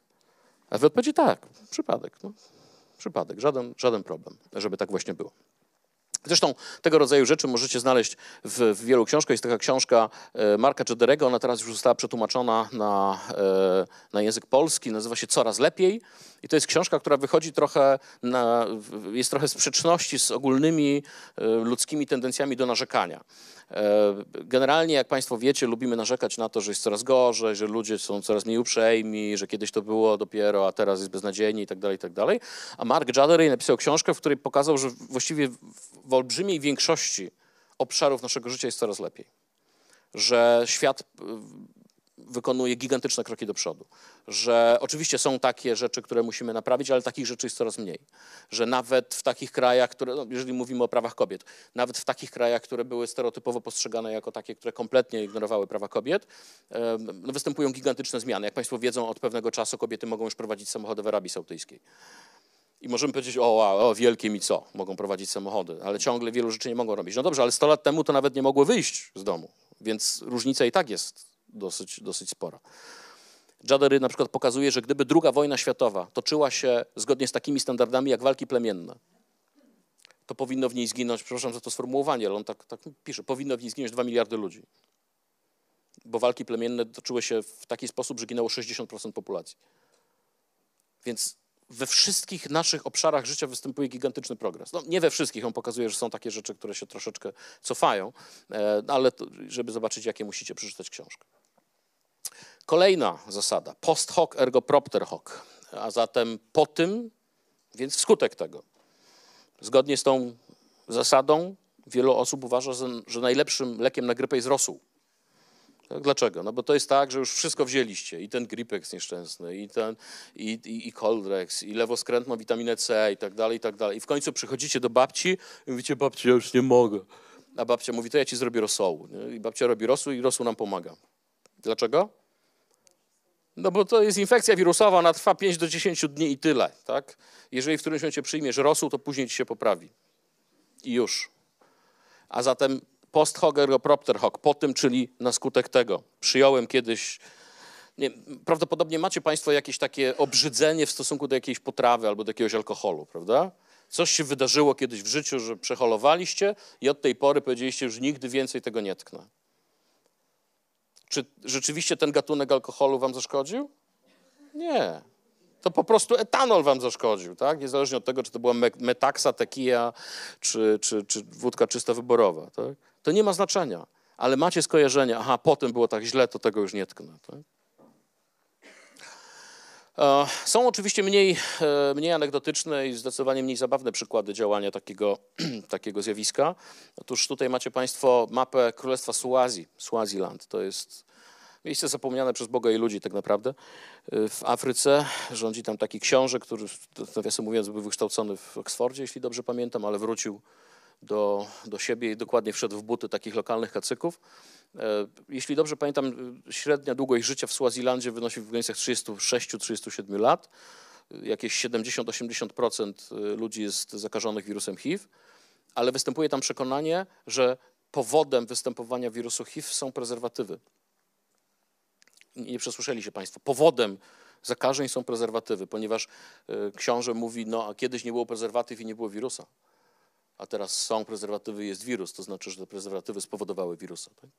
A zatem bywa tak, że, że te anegdotyczne e, przykłady, o których Państwu opowiadam, mają zdecydowanie bardziej e, tragiczny wymiar. E, sprawiają, że ludziom po prostu żyje się dużo, dużo gorzej. Ale dotyka to także naukowców, to nie tylko nie tylko wykształceni w Oksfordzie, kacykowie miewają tego rodzaju pomysły. W 2004 roku pojawił się taki artykuł Flensmarka, który stworzył teorię związku pomiędzy noszeniem butów a skłonnością do schizofrenii. E, rzeczywiście, jak się przeanalizuje, e, przeanalizuje historyczne źródła, to mniej więcej w okolicach roku tysięcznego wśród ludzi rozpowszechniło się noszenie butów w Europie. E, wcześniej to nie było takie bardzo powszechne, część ludzi chodziła boso, dopiero w okolicach roku tysięcznego buty stały się dosyć powszechne. E, no i właśnie wtedy pojawiły się pierwsze zapisy historyczne, które świadczyły o takich udokumentowanych przypadkach schizofrenii, które wstecznie można zdiagnozować jako schizofrenię. I Flensmark stwierdził, że to być może właśnie noszenie butów sprawia, że e, schizofrenia zaczęła się, zaczęła się pojawiać. Więc żadna grupa społeczna nie jest wolna od takiego myślenia w kategoriach post hoc ergo propter hoc. Kolejna rzecz to jest niereprezentatywna próba, e, czyli sytuacja, w której ja wnioskuję o jakiejś grupie na podstawie pewnej próby, która nie ma nic wspólnego z reprezentatywnością. Ja nie chcę Państwa teraz zanudzać e, pojęciem reprezentatywności, tłumaczeniem, dlaczego to jest ważne, ale generalnie, jeżeli e, jeżeli chcielibyśmy na przykład powiedzieć cokolwiek o populacji Polski, wyobraźmy sobie, że przylatuje delegacja z Marsa albo z innego e, układu słonecznego i chce się dowiedzieć czegoś o, o tym, jacy są Polacy i traf chciał, chciał, że lądują dokładnie tutaj. i nagle patrzą na was i mówią, o już będziemy wiedzieli teraz, no to domyślają się Państwo, że popełniają duży błąd, tak? Bo przede wszystkim y, dowiedzieliby się, że populacja Polski składa się w olbrzymiej części z kobiet, zdecydowanie większej niż 50%, że są to ludzie, którzy spotykają się wieczorami w okolicach godziny 18 po to, żeby słuchać jakiegoś faceta w niebieskim ubraniu, który przychodzi im różne rzeczy opowiada. Tak? To byłoby bardzo nietrafne spostrzeżenie. I my często takich nietrafnych spostrzeżeń bronimy jak Częstochowy, ponieważ nam się wydaje, że możemy formułować takie opinie. Na przykład, jeżeli Państwo przyjdziecie do terapeuty, który zajmuje się e, używkami i generalnie wychodzeniem z uzależnień i zapytacie, jak trudno jest rzucić palenie, to on powie strasznie trudno. To są bardzo poważne rzeczy. To, to palenie papierosów to jest jeden z najtrudniejszych nałogów do wyleczenia, bo i tak dalej, i tak dalej. Dlaczego tak jest? Ano dlatego, że kiedy ktoś przychodzi do terapeuty po to, żeby rzucić palenie, to jest to człowiek, który 16 razy próbował rzucania palenia i nic mu nie wyszło. I hipnoza nie zadziałała, i tabletki nie zadziałały, i cała masa różnych innych rzeczy. A zatem to jest człowiek, który ma do czynienia z bardzo niereprezentatywną próbą. Z ludźmi, którzy mają gigantyczne problemy z rzuceniem palenia. Oprócz tego jest cała masa ludzi, którzy skutecznie rzucili palenie bez pomocy terapeuty, ale o nich on nic nie wie, bo ich po prostu nigdy nie widział. E, inny przypadek to są e, policjanci czy, czy, wojskowi. To są ludzie, którzy na przykład znacząco przeceniają szanse na wystąpienie przestępstwa albo na pojawienie się wojny. Wojskowi mają nawet specjalny język. Na przykład w języku wojskowym nie ma takiego pojęcia jak czas pokoju. Jest czas wojny i czas międzywojenny. I zobaczcie Państwo, jak to porządkuje rzeczywistość. Tak? Wszyscy dobrze wiemy, co będzie. Tak? To jest tylko kwestia czasu, żeby, żeby wojna się pojawiła. A zatem znowu ta niereprezentatywna próba może sprawiać, że, no, że będziemy mieli fałszywe wnioski, że nasze wnioski będą odnosiły się tylko do jakichś ludzi w niewielkiej grupie, e, a my będziemy mieli tendencję do generalizowania ich na wszystkich. Tak? Kolejna rzecz, wnioskowanie z podobieństwa. Czyli my często wnioskujemy o jakichś osobach, o jakichś zjawiskach, bo wydają nam się podobne do czegoś, co już kiedyś widzieliśmy. I wyobraźmy sobie taką sytuację, że idziecie Państwo, powiedzmy, wychodzimy z konsulatu kultury, idziecie Państwo, nie wiem, na przystanek autobusowy albo trolejbusowy, bo w końcu jesteśmy w Gdyni, albo, e, albo do swoich samochodów i widzicie takich dżentelmenów, którzy właśnie nadchodzą. Tak? ABS-y takie klasyczne, odzież sportowa, chód rozkołysany. I teraz patrzycie na nich i myślicie, hmm, jest pewna szansa, że oni właśnie wracają z wieczoru poezji poświatowskiej. Tak? I krzyczą więcej wierszy, więcej wierszy. Ale ta szansa jest bardzo mała. I wy wnioskujecie raczej po waszych wcześniejszych doświadczeniach z tego typu osobnikami i stwierdzacie, że druga strona ulicy jest zdecydowanie bardziej atrakcyjna. Tak? Że, że tam się dużo więcej dzieje, ciekawie jest i w ogóle natychmiast muszę się znaleźć na drugim chodniku. Bo wnioskujecie z podobieństwa. I to w olbrzymiej części wypadków ma sens, że my wnioskujemy po podobieństwie pewnych sytuacji a że w iluś tam się pomylimy, to już jest pewne ryzyko, na które się wszyscy zgadzamy. A zatem znowu często się zdarza, że my wierzymy w bzdury tylko dlatego, że wydają nam się podobne do jakich rzeczy, których już wcześniej widzieliśmy. Czasem oczywiście stosuje się to bardzo, bardzo błędnie. Tutaj macie Państwo e, przykład tak zwanej grafologii, tak? E, czyli próby wnioskowania po kroju pisma, po sposobie pisania, o osobie, która dany tekst napisała. I tutaj macie Państwo e, analizę grafologiczną. Proszę, autor pisma jest osobą ambitną i śmiałą, szuka uznania i poparcia u innych, typ indywidualisty, nie uznaje autorytetów, lecz jeśli w jego otoczeniu pojawią się osoby wyróżniające się wiedzą lub zajmujące wysokie stanowisko, jest skłonny uznać ich zdanie. W jego życiu panuje pewien chaos emocjonalny, jego natura jest wewnętrznie napięta, niespokojna, stąd też bywa kapryśny, pragnie być niezależny i tak dalej, i tak. Kocha dom rodzinny, jest z niego dumny, ale pragnie wyrwać się z pewnych ram, pójść własną drogą. Co wam to przypomina? No, horoskop, tak? Znowu dokładnie to samo. Tak? Na podstawie takiego tekstu można stworzyć tego rodzaju, e, tego rodzaju analizę grafologiczną. Kolejna rzecz, która, e, która sprawia, że my w niewłaściwy sposób myślimy o, o rzeczywistości, to jest pewien fałszywy obraz w mediach. To, co Państwo widzą tutaj, to zdjęcie pochodzi o, e, z filmu Lot nad Kokułczym Gniazdem i jest jednym z najbardziej takich wstrząsających, nomen omen, scen w, w historii kina. E, I pokazują to elektrowstrząsy, tak? elektrowstrząsy, które zastosowane w sposób, który widzimy w, filmach, no, wydają nam się torturą de facto.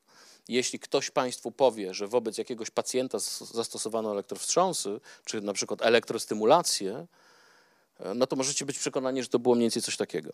Tak? Podczas gdy w rzeczywistości elektrowstrząsy stosuje się w zupełnie innych sytuacjach, w zupełnie inny sposób. Jest to normalna procedura terapeutyczna, która pomaga osobom w różnego rodzaju zaburzeniach.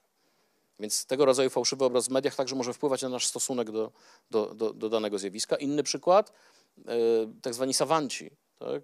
czyli ludzie, którzy dotknięci, dotknięci są jakimś spektrum autyzmu, jakimś zaburzeniem ze spektrum autyzmu, ale jednocześnie mają bardzo e, specyficzną zdolność, na przykład do wykonywania bardzo skomplikowanych obliczeń w pamięci albo robienia innych bardzo e, dziwnych i trudno nam dostępnych e, czynności. I znowu jest bardzo wiele osób przekonanych, że autyzm zawsze wiąże się z sawantyzmem. Że ponieważ widzieliśmy w filmie, że tak jest, że, że Dustin Hoffman jako autystyk e, potrafi wykonywać różne bardzo wyrafinowane techniki obliczeń i tak dalej, i tak to w związku z tym każdy będzie tak miał. Sawantyzm nie jest bardzo popularny nawet wśród osób e, dotkniętych autyzmem. Jeśli dobrze pamiętam, około 10% tylko autystyków ma jakieś specyficzne zdolności, to nie zawsze jest, nie zawsze jest liczenie. Kolejna kwestia to jest wyolbrzymianie. To jest książka, która zrobiła gigantyczną karierę w pewnym momencie w historii świata. Mężczyźni są z Marsa, kobiety są z Wenus. John Gray wziął pewne różnice pomiędzy mężczyznami i kobietami i sprowadził je do, no do właściwie, właściwie do innych planet. Tak? Nawet w tytule te inne planety się pojawiały. I zaczęły się pojawiać teorie, które mówią, że mężczyźni i kobiety właściwie ze sobą nie mają zbyt wiele wspólnego, że to są odmienne gatunki z pewnej, z pewnej perspektywy. Proszę Państwa, jest cała masa badań starających się sprawdzić, jakie są różnice pomiędzy kobietami i mężczyznami. Jeśli dobrze pamiętam, to najbardziej udokumentowana jest jedna. To jest zdolność do rzucania małym obiektem do celu, tak? która y, generalnie rzecz ujmując jest znacząco lepsza ze względu na różne procesy ewolucyjne u mężczyzn. Ale z drugiej strony, jakbyście Państwo poszli wieczorem i zobaczyli, jak ludzie rzucają tymi strzałkami do, do tarczy, to wcale nie jestem przekonany, czy byłoby tak, że zawsze mężczyźni byliby lepsi.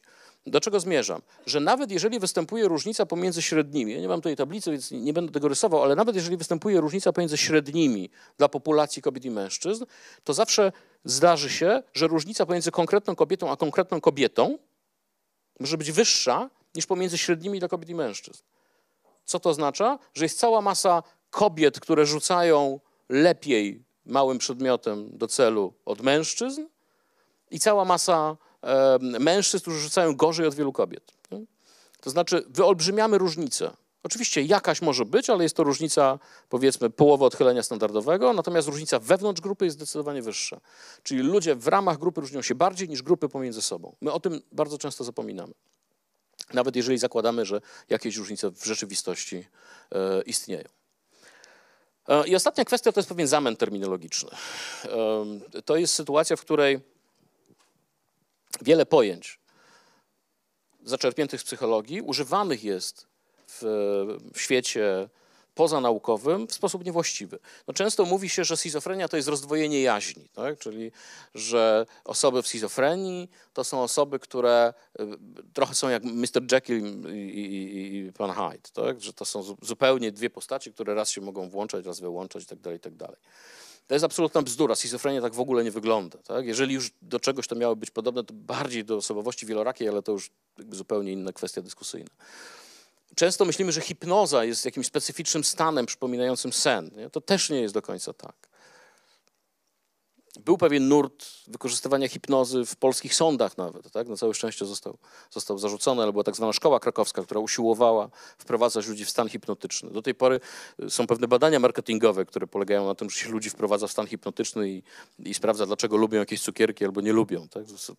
To- już się trochę ociera o ale, ale takie rzeczy się czasem, się czasem robi. Czyli ten zamęt terminologiczny także sprawia, że my wydaje nam się, że wiemy, ale tak naprawdę wiemy, wiemy niewiele.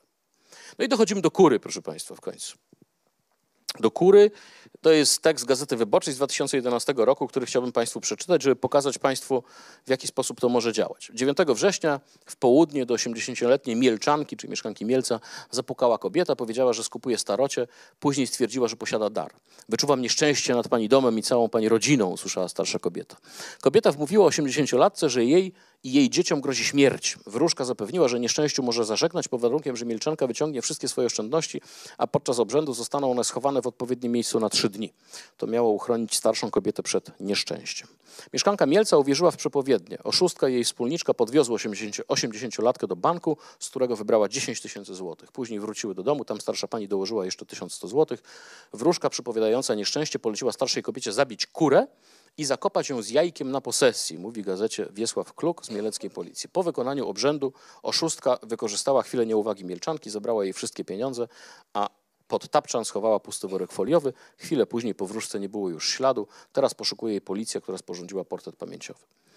Czyli mamy klasyczny przykład uwierzenia w absolutną bzdurę, co więcej wiążące się z bardzo poważną stratą 11 100 zł u, jak się spodziewamy, niezbyt zamożnej osoby.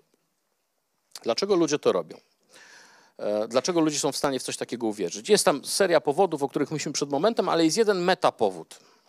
Taki, który w moim odczuciu stoi ponad nimi wszystkimi. Otóż tym metapowodem e, jest to, że my mamy pewną hierarchię potrzeb. I teraz jednym z takich najbardziej klasycznych sposobów pokazywania hierarchii potrzeb jest oczywiście hierarchia potrzeb Maslowa. Ona ma swoje wady, nie należy jej traktować literalnie, jest wielokrotnie y, na różne sposoby sprawdzana i w wielu miejscach się nie sprawdza. Generalnie, proszę Państwa, jest tak, że, że Maslow stwierdził, że na, na samym dole mamy potrzeby biologiczne i fizjologiczne, później mamy potrzeby bezpieczeństwa, później potrzeby przynależności, miłości, potrzeby wysokiej samooceny, potrzeby poznawcze, potrzeby estetyczne, potrzeby tak zwanej samo, samoaktualizacji, potrzeby transcendencji na samej górze. Mówił Maslow, że jeżeli potrzeby niższego rzędu nie są zaspokojone, to nie można zaspokajać potrzeb wyższego rzędu, co jest oczywiście bzdurą, bo gdyby tak było, to nie mielibyśmy żadnych bohaterów. Tak? Nie mielibyśmy ludzi, którzy e, ryzykowali własne życie po to, żeby zachować zdrowie innych ludzi. Więc to, to nie jest tak. Ale czymś, co jest jeszcze bardziej pierwotne, można by, e, jest coś, co można by nazwać potrzebą poczucia kontroli. Co to znaczy? To znaczy, że my chcemy mieć kontrolę nad życiem dookoła nas, nad naszym życiem oraz nad rzeczami, które wokół nas się toczą. Chcemy mieć przekonanie, że my te rzeczy jakoś rozumiemy, że my jesteśmy w stanie z pewną dozą pewności przewidzieć, co się będzie działo za chwilę. Że my jesteśmy w stanie stwierdzić, że żyjemy w mniej więcej przewidywalnym otoczeniu. Problem polega na tym, że jak pewnie Państwo doskonale wiedzą, nasza zdolność przewidywania jest bardzo mocno ograniczona, a otoczenie, w którym żyjemy, jest coraz mniej przewidywalne. Że żyjemy w, świe w świecie, w którym ta pewność dotycząca rzeczy dookoła nas jest stosunkowo nikła. I my możemy się albo z tym zgodzić i stwierdzić, OK, nie jestem w stanie tego przewidzieć, nie jestem w stanie powiedzieć, dlaczego rzeczy wyglądają tak, a nie inaczej, albo mogę tylko do pewnego stopnia spróbować to zdiagnozować. Albo mogę stwierdzić, zapytam wróżbitę Macieja. I co mi da wróżbita Maciej? Da mi poczucie bezpieczeństwa, da mi poczucie kontroli, da mi przekonanie, że jeśli jeszcze raz do niego zadzwonię, płacąc oczywiście 3,75 za minutę plus VAT, to będę w stanie w jakiś sposób, przepraszam za nową mowę, ale wydaje mi się, że to jest akurat ładne określenie, to swoje życie ogarnąć myślowo. Bo on da mi poczucie, że ja wiem, jak będzie że ja do pewnego stopnia jestem w stanie przewidzieć przyszłość, że ja do pewnego stopnia jestem w stanie uznać, że to, co jest dookoła mnie, że rzeczywistość, w której funkcjonuję, jest pod przynajmniej częściową moją kontrolą. Ja bardzo nie chcę, żeby ona była poza moją kontrolą. A niestety musiałbym, musiałabym przyznać, że czasem tak jest. Chciałbym, żebyście Państwo od tej pory, kiedy zobaczycie kogoś, kto strasznie wierzy w lewoskrętną witaminę C, albo w to, że e, pójdzie do uzdrowiciela, który dotknie jego bolącego miejsca i bioprądami spróbuje go wyleczyć. Żebyście nie próbowali go od razu wyśmiewać, na pewno. albo żebyście nie zakładali, że on na pewno jest w głębokim błędzie. Bo być może w jego konkretnej życiowej sytuacji to jest najbardziej adaptacyjna rzecz, którą może zrobić. Kilka y, tygodni temu wysłuchałem takiego amerykańskiego reportażu o ludziach oszukanych przez teleewangelistów. Czyli takich ludzi, którzy y, przez telewizor zbierają pieniądze od różnych osób, które, które chcą im te pieniądze przekazać. I oczywiście to trzeba zrobić kolejny wykład pokazujący, jakich specyficznych metod oni e, e, korzystają, jak są zaawansowani, jeśli chodzi o użycie technik wpływu społecznego itd. Tak itd. Ale była tam jedna sytuacja, która mnie zafrapowała. Była historia pewnej kobiety, która przekazała kilka tysięcy dolarów takiemu teleewangeliście po to, żeby ją uleczył z nowotworu. E, I i oczywiście, jak się pewnie Państwo domyślają, ten nowotwór nie został uleczony, ta osoba zmarła, a jej córka wytoczyła proces y, temu, temu człowiekowi. No ten proces się toczy, nie bardzo wiadomo jak się, jak się skończy, ale myślę, że, że szanse na jego wygranie są tak naprawdę nikłe. Dlaczego? Pomyślcie Państwo, wyobraźcie sobie, że jesteście osobą, która słyszy taki terminalny, terminalną diagnozę jesteście w Stanach Zjednoczonych, nie macie żadnego ubezpieczenia y, zdrowotnego albo macie ubezpieczenie zdrowotne, które z całą pewnością nie pokrywa, e, nie pokrywa tego rodzaju e, świadczeń medycznych. To nie są anegdotyczne przypadki, że, że, że zdarzają się sytuacje w Stanach, gdzie mamy człowieka, z historia pewnego drwala, który sobie uciął cztery palce i w szpitalu go zapytano, które dwa mu, przyszy, które dwa mu przyszyć, bo, bo mamy wszystkie cztery, ale pana ubezpieczenie obejmuje dwa. No tak to wygląda. I teraz wyobraźmy sobie kto, kogoś, kto jest w takiej sytuacji, kto jest kompletnie przerażony. I nagle pojawia się ktoś, kto mu daje nadzieję. Jasne, on na tej nadziei zarabia pieniądze. On wykorzystuje trudne położenie drugiej osoby. Ale czy to czasem nie jest tak, że to pozwala nam zrozumieć tych ludzi? Że pozwala nam odpowiedzieć na pytanie, czy czasem to nie jest tak, że im to coś daje? że oni dostają coś, czego nie mogliby dostać w żaden inny sensowny sposób.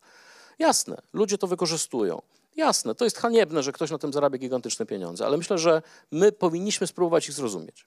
To znaczy, powinniśmy spróbować zrozumieć tych nieszczęsnych ludzi, którzy czasem wierzą w rzeczy, które dla nas wydają się po prostu wiary kompletnie niewarte. Bardzo Państwu dziękuję.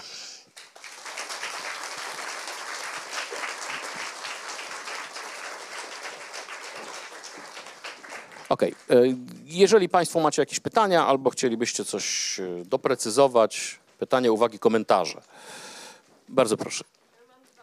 Proszę bardzo, jest, jest mikrofon.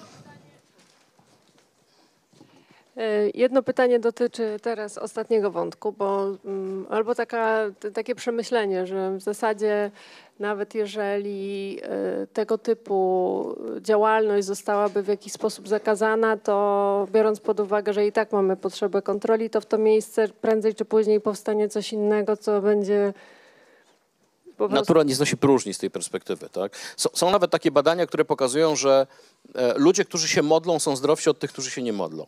Tak? I teraz można się oczywiście zastanawiać, na ile e, nie wiem, istota wyższa ingeruje w nasze życie, no ja jestem przekonany, że raczej nie. Nawet dla, dla wielu e, ludzi głęboko wierzących to jest nieakceptowalne, nie chcę wchodzić w kwestie wolności i tak dalej, i tak dalej. Natomiast z całą pewnością można powiedzieć, że samo na przykład to, że człowiek ma nadzieję, tak? Sprawia, że jest w stanie zrobić zdecydowanie więcej. Może później jeszcze opowiem o pewnym eksperymencie na szczurach, bo okazuje się, że szczury mogą mieć nadzieję, nawet jeżeli się je odpowiednio zmotywuje do tego. Okej, okay, przerwałem pani, bardzo proszę. No to też ciekawe z tym modleniem się, bo to podobno też e, jest jakaś formuła medytacji, która po prostu jest inaczej nazwana w różnych religiach, bardzo a tak naprawdę tak. jakoś tam uspokaja te nasze neurony. A druga właśnie rzecz, e, w jaki sposób, e, bo, bo, bo gdzieś tutaj tak naprawdę pokutuje nasze przeświadczenie i mm, to, czego jesteśmy nauczeni y, i zastosowanie tego w dorosłym życiu, przyłożenie mhm. tego.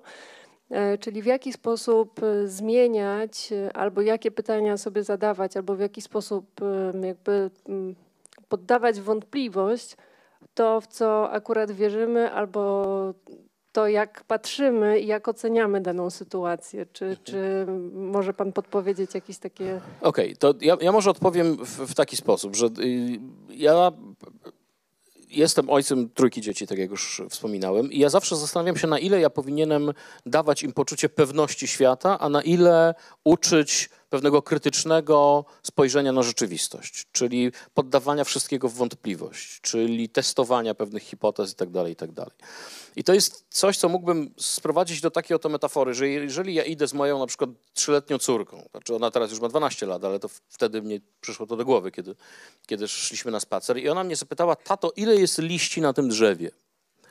To ja mogę albo wyjść z założenia, że powinienem w niej wzmacniać przekonanie, że tato wie wszystko i powiedzieć 24 852, bez mrugnięcia okiem i ona w to uwierzy, tak? I to nie, nie, ma żadnego problemu.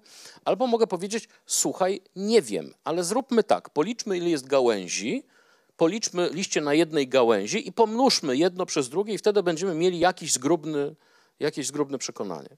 Ja myślę, że od pewnego momentu to właśnie na nas, jako rodzicach albo wychowawcach, albo ludziach, którzy starają się zmienić trochę zachowanie innych, ciąży odpowiedzialność na tym, żeby dawać im pewne narzędzia, którym, którymi oni sami są w stanie zweryfikować pewne hipotezy. Ja nie wiem, czy to jest odpowiedź na Pani pytanie, natomiast to jest coś, co we mnie się, się często pojawia, kiedy ja myślę o, o, o takim właśnie uczeniu pewnego krytycznego myślenia. Choć znowu czasami mam takie myśli z tyłu głowy, czy, czy wszystkim to jest bardzo potrzebne. Bo być może są ludzie, którzy żyją w swoim świecie bardzo poukładanym, być może są dużo szczęśliwsi od nas, bo nie mają żadnych wątpliwości. I kiedy my im przyjdziemy i my ten świat wywrócimy do góry nogami, mówiąc, a teraz będziesz wszystko testował naukowo, to czy my tak naprawdę mamy prawo coś takiego robić? Trochę mi to przypomina taką historię z z lekarzy w Amazonii. Znaczy, jak Państwo wiedzą, co jakiś czas pojawiają się jakieś pieniądze grantowe, żeby dać tym nieszczęsnym ludziom, którzy nie mają dostępu do opieki medycznej, yy, prawdziwych lekarzy. No i się bierze na przykład grupę lekarzy z Holandii albo z Belgii, płaci się im duże pieniądze, oni jadą do jakiegoś plemienia w Amazonii i mówią, a teraz my wam damy dobrą opiekę medyczną. A oni wtedy mówią, ale my mamy swoich curandero. Curandero to są tacy szamani lokalni, nie? którzy tam gdzieś biorą jakieś ko, jakąś korę, coś tam, jakieś tam zaklęcia mają, biorą trochę jakieś pajęczyny, jakoś tam dają radę. I ci lekarze mówią, ale curandero to, są, to, to, to, jest, to jest szamaństwo, to w ogóle nie jest żadna medycyna, to dajcie spokój, curandero są, są do niczego. My wam damy tabletkę i wam y, przejdzie ta choroba, którą wam curandero leczył przez trzy miesiące. No i oni stwierdzają, okej, okay, no rzeczywiście, ci lekarze są świetni. Tylko problem jest taki, że po dwóch latach, po dwóch latach kończy się grant. I ci lekarze sobie jadą i ci kurandery mówią, i co teraz? Mówię, no nic teraz, no my z wami już nie możemy współpracować, bo pokazaliście, czy pokazano nam, że wy się na niczym nie znacie, a ci, którzy nam pokazali, że wy się na niczym nie znacie, też już sobie pojechali. I my teraz zostajemy kompletnie bez opieki medycznej. Nie? No i to jest pytanie, które ja sobie często zadaję. Na ile my jesteśmy w stanie stwierdzać, że nie, ja ci teraz wywrócę twój światopogląd, dam ci kompletnie naukowy, oparty na rozsądnych podstawach, krytyczny itd., tak itd. Tak no i teraz sobie z nim radź. Radź sobie z tym poczuciem niepewności, radź sobie z testowaniem wszystkiego. No to jest pytanie, na które ja nie mam odpowiedzi. A jeszcze co do nadziei.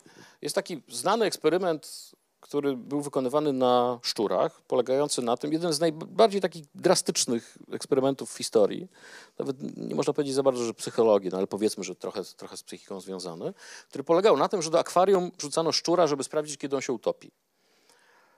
I on się topił mniej więcej po 30 minutach. Szczur przez 30 minut był w stanie pływać w akwarium, po czym po 30 minutach tonął.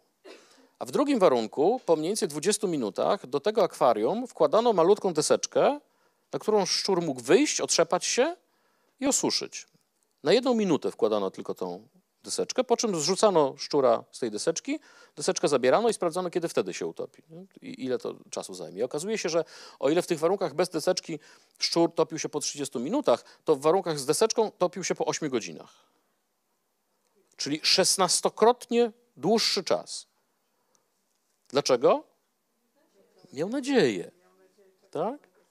Jeżeli szczur był przekonany, że może przyjść ratunek, że może się pojawić coś, co mnie z tej opresji wyciągnie, to nagle okazywało się, że te siły się zdecydowanie zwiększały. Więc znowu, zawsze sobie to przypominam wtedy, kiedy tak bardzo y, łatwo y, postponujemy różnych y, tam bioenergoterapeutów i tak dalej, i tak dalej. A może oni dają ludziom taką nadzieję? Znaczy, jeżeli jednocześnie mówią odstaw wszystkie leki, no to ja nie mam żadnych wątpliwości, nie? No to, to ale zobaczcie, nawet, nawet Sylwia pisze, ask physician too. Tak? Więc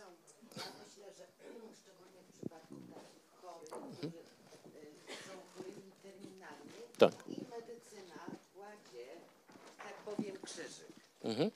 Y, No i wiedzą, że muszą umrzeć. Tak moja przyjaciółka. Znaczy, my, my wszyscy wiemy, że musimy Y, umrzeć. Tak. I no tak, Tak. ale już jej nie będą leczyć. Mhm. Już chemia nie skutkuje, nie to, nie tamto. Y, I na przykład poddawała się terapii oszczykiwania alkoholem wątroby, ale póty coś robiła. I póki rodzina mogła się też z, zajmować znajdywaniem nowych cudnych środków, tak, mm, e, to oni jeszcze wszyscy żyli. Tak, tylko y, znowu, y, wszy- wszystko fajnie i tutaj się absolutnie zgadzam, że dawanie ludziom poczucia... O tym momencie, kiedy medycyna Tak. już y, mówi, że ich możliwości się wyczerpały. I ja jestem w stanie uwierzyć, y, znaczy inaczej, ja jestem w stanie zgodzić się na to, że ktoś daje jakieś takie dziwaczne rady, a spróbuj jakiegoś tam koktajlu witaminowego albo tej, y, albo nie wiem, s- s- zdaje się, że y, łykanie pestek z morelli, tak? No, znowu, nie jestem specjalistą, nie potrafię powiedzieć, czy to ma sens, czy nie ma, ale na pewno ludzie, którzy są w jakimś tam stadium choroby nowotworowej, zrobią wszystko, żeby się wyleczyć. Więc jeżeli oni łykają pestki z morelli, to wszystko jest w porządku, ale jeżeli ktoś im każe kupować za kilkanaście tysięcy złotych jakieś cudowne mieszanki, które nie są niczym innym jak tylko, nie wiem, wyciągiem z jarmużu, no to to już tutaj się moja tolerancja trochę kończy, nie? bo t- tutaj widzimy, że jest człowiek, który usiłuje zarobić gigantyczne pieniądze na, na, na, na cudzym nieszczęściu. Nie? Więc to jest, to jest pewien problem, który, który ja tutaj widzę. Bardzo proszę.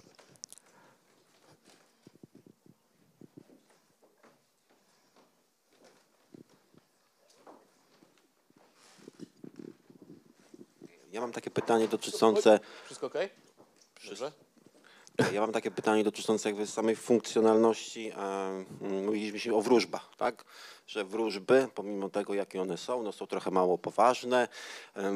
Poważni ludzie nie powinni się tym generalnie zajmować, ale jak tak się zastanawiam, no to jak pan powiedział, jest funkcjonalność, poczucie bezpieczeństwa, ale z drugiej strony e, wszystko, co nie jest powiedzmy takimi zachowaniami nieracjonalnymi, lekko śmiesznymi, daje nam poczucie bezpieczeństwa, czyli powiedzmy, nie wiem, kontroli, tak? Jak kontrolujemy swoje życie poprzez wróżbę, to tak możemy też kontrolować swoje życie poprzez e, mm, wzory matematyczne. Przed w 2008 rokiem powstał fundusz hedgingowy wartości 100 miliardów dolarów. Pomyślono wzór matematyczny mówiący o przewidywalności rynków e, finansowych. Pan dostał Nobla, fundusz stracił 100 miliardów. E, Więc tak zastanawiam się, że tak jakby też wróżby, czy te nieracjonalne zachowania budują e, przestrzeń do tego, że inne zachowania, które są nie wiem, naukowe, racjonalne, dają nam poczucie równie złudnej racjonalności. Ma pan absolutną rację. No, są takie fajne badania na inwestorach giełdowych. Y, Nie wiem, na ile państwo są w, w, jakby zaznajomieni z pojęciami. Jest coś na giełdzie, co, się nazywa analizą techniczną. Analiza techniczna polega na tym, że nie zajmuje się nie wiem, kondycją spółki, wynikami finansowymi itd., tak itd., tylko biorę samą giełdę i same wskaźniki giełdowe i na podstawie tego próbuję przewidzieć dalsze ruchy. Jest bardzo zaawansowana teoria dotycząca analizy technicznej, kiedy się bierze ludzi, którzy się, którzy się tym zajmują, e, pokazuje im się te, te wykresy, to oni tam pięknie e, wszystko są w stanie rozczytać, że tutaj formacja potrójnego szczytu, tutaj jakiś tam rajd, rajd świętego Mikołaja i tak dalej, i tak dalej. A kiedy im się później mówi, no dobra, ale to są wy, wy, wykresy, które losowo wygenerował komputer, e, bo tak w rzeczywistości wygląda, oni są w stanie wszystko tam rozpoznać, to mówią, ale no, to tak się mogło zdarzyć. E, To, to samo z ludźmi, którzy grają na Forexie. No, Forex to są, mm, to jest międzynarodowa giełda walut i znowu, to jest tak naprawdę gra, to jest hazard. To, tak- to, to nic więcej w tym de facto nie ma. Natomiast kiedy się rozmawia z ludźmi, e, którzy się tym zajmują, to oni znacząco przeceniają swoje zdolności dotyczące przewidywania ruchów giełdowych. Natomiast kiedy im się mówi, ale pomyliłeś się, to mówią, nie, nie, nie, słuchaj, bo wiesz co, bo ja nie wiedziałem o tym, że będzie bardzo duży kryzys pogodowy w Australii e, i tam będzie susza i w związku z tym oni nie będą mogli tyle dostarczyć wołowiny i, i dlatego to wszystko rypło. Nie? E, Więc takie post factum interpretowanie tego, co, co się wydarzyło, jest, jest, zdecydowanie, e, jest zdecydowanie częstsze niż, niż jakieś krytyczne spojrzenie i stwierdzenie, ok, no pomyliłem się. Ale myślę, że ma pan rację, to znaczy e, są rzeczy, które już na pierwszy rzut oka wyglądają jak bzdury, na przykład idź do wróżki, a są rzeczy, które trochę bardziej wyglądają na rzeczy poważne, jak na przykład zagraj na Forexie, tak? a z pewnej perspektywy to jest dokładnie to samo. Tak, tak, tak, tak. To jest trochę tak jak z, z kasynem, prawda? To już Bolesław Leśmian zauważył, że, y, że ludzie zazwyczaj przegrywają, a kasyno zazwyczaj wygrywa, więc właściwie jest namiętność, nie wiadomo dlaczego, wśród ludzi do grania, a nie ma namiętności do zakładania kasyn. A to jest dosyć ciekawe, bo to dopiero dałoby rzeczywiste pieniądze. Bardzo proszę. A jak interpretować słowa Salomona idź do mrówki leniwcze? Na przykład. Też taki tekst. Aha. To, to ja mam za mało danych teraz. Nie, chyba, chyba nie zrozumiałem do końca. E, To znaczy, ja chciałem nawiązać do pewnych określeń, e, przysłów, Aha. sformułowań i czy z tego da się coś wydusić, czy tak po prostu jest. No czasami, y, wie- wiecie Państwo, no to, to, że, to, że ludzie mówią różne rzeczy, to jest, y, to jest jasne i to ma bardzo często bardzo poważne y, efekty. Y, Zwłaszcza, że czasami my mamy większą ochotę na właściwe zinterpretowanie jakichś słów, niż ktoś, kto je wypowiadał, na przekazanie nam konkretnej treści. I żeby to panu pokazać, państwu, to mogę opowiedzieć pewne zdarzenie z, z, mojej, z, mojego, z mojego życia, kiedy miała się nam urodzić córka, pierwsze dziecko, to postanowiliśmy, no, wiecie Państwo, jak to jest przy pierwszym dziecku, no pierdolec absolutny, tak? No po prostu człowiek wszystko czyta, y, zaczyna robić różne dziwne rzeczy, zaczyna się tam y, zastanawiać nad y, krwią pępowinową, ty podobnymi rzeczami. I wtedy ja sobie wymyśliłem, tak naukowo, że bardzo poważnym problemem dla dziecka powinno być przejście z flory bakteryjnej szpitala do flory bakteryjnej domu. Tak, no bo w domu jest inna flora bakteryjna, inne gdzieś tam sobie roztocza, fruwają w powietrzu, a w szpitalu inne. Więc pomyślałem sobie, idąc tropem Ludwika Pastera, że spróbuję to moje dziecko zaszczepić. W ten sposób, że kupię dużą maskotkę i będę ją trzymał w domu przez kilka miesięcy, a później jak się dziecko urodzi, to ja tę maskotkę przeniosę do szpitala i położę obok dziecka i ono się będzie trochę natychało tą domową atmosferą, prawda? Więc taki, takie jakby szczepienie. No i największą taką maskotką, która jednocześnie była na tyle mała, że można ją było zanieść do szpitala, był bóbr takiej wielkości mniej więcej. Ja tego bobra kupiłem i on tam w domu przebywał przez jakiś czas, po czym przyniosłem go do mojej żony do szpitala. Jak Państwo pewnie wiedzą, dzieci leżą w szpitalu w takich brytwankach teraz. Nie? To wygląda to trochę jakby człowiek chciał w naczyniu żeroodpornym dziecko chować. No i włożyliśmy razem z moją żoną to, tego bobra do, mm, do, tej, do tej brytwanki. No i po jakimś czasie moja żona dzwoni do mnie, słuchaj, ciekawa rzecz się wydarzyła. Przyszedł lekarz na obchód i zapytał, co to jest. No więc ja mówię, bóbr. No to on mówi, wie pani, wiele rzeczy tutaj widziałem. Pajace widziałem, lalki widziałem, misie widziałem, bobra nigdy. Czy pani mąż jest leśnikiem? Na co lekarz, znaczy moja żona mówi, nie, jest psychologiem. I tutaj nastąpiła taka cisza i on wtedy powiedział, to musi coś znaczyć. Więc ja myślę, że często jest tak, że my wypowiadamy różne słowa, a to, co ludzie z nich rozumieją, to jest jakby zupełnie inna kwestia. Bardzo proszę. Przede wszystkim dzięki za świetny wykład, dał mi dużo fajnych narzędzi do myślenia. Ja od dłuższego czasu mam taki dylemat moralny, bo chodzi właśnie o ludzi, którzy mają jakąś swoją wizję świata, bardzo mocno w tą wizję wierzą, widać, że ta wizja świata im służy i wtedy rzeczywiście może wytrącanie ich z tej wizji nie byłoby najlepszym sposobem. Ale tutaj na przykład chcę się zahaczyć o antyszczepionkowców. Jak rozmawiać z ludźmi, których wizja świata jest ewidentnie szkodliwa dla innych i wręcz Wydaje mi się, że my powinni, mamy pewnego rodzaju obowiązek ich z tej wizji świata wybić, bo ta wizja świata może zagrozić wręcz całemu społeczeństwu. I się zastanawiam, jak z takimi ludźmi w ogóle rozmawiać i czy to jest w ogóle możliwe, żeby w jakiś sensowny sposób zmienić ich punkt widzenia. Analizy forów internetowych pokazują, że to nie jest możliwe, tak na dobrą sprawę. Tak? Znaczy, jeżeli, jeżeli ktokolwiek z Państwa kiedyś próbował czytać y, to, jakie rzeczy tam się wypisują, no to tam właściwie żaden rozsądny argument się nie, nie, nie, nie przebija, prawda? Oczywiście można by wyjść z takiego przekonania, że to jest taki darwinizm społeczny i można by sobie pomyśleć, że to jest wasz problem tak naprawdę, tak? To wasze dzieci będą chorowały, choć oczywiście wszyscy dobrze wiemy, że to nie jest tylko ich problem, dlatego że jest pewna grupa dzieci, których po prostu zaszczepić nie można ze względu na różne inne choroby, na przyjmowanie leków immunosupresyjnych i tak dalej, i tak dalej. Więc to jest, tak jak pan słusznie zauważył, pewien problem społeczny.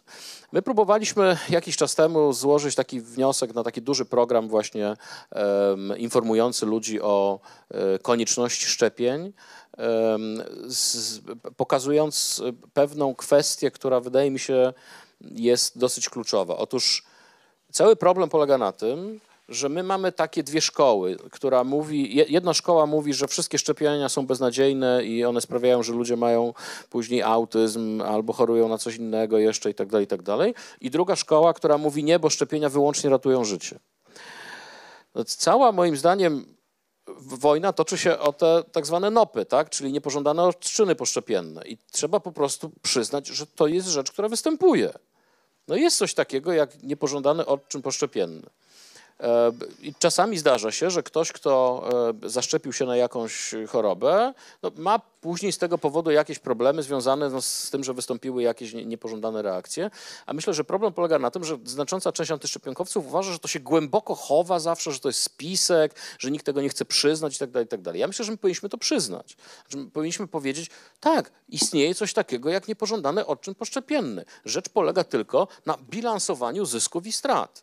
Oczywiście zawsze wtedy może wystąpić jakiś, taka sytuacja zresztą miała miejsce na pewnej konferencji prasowej e, antyszczepionkowców w Stanach Zjednoczonych, kiedy ktoś bardzo sensownie wstał i powiedział, tak, istnieją, antyszczepion- istnieją niepożądane odczyny poszczepienne, ale oczywiście trzeba pamiętać o tym, że korzyści wynikające ze szczepienia są dużo większe i tak dalej, i tak dalej. No i wtedy wyszedł ktoś i powiedział, ale ja mam lepszy argument. Tu jest moja córka, która została zaszczepiona i teraz jest niepełnosprawna. Tak?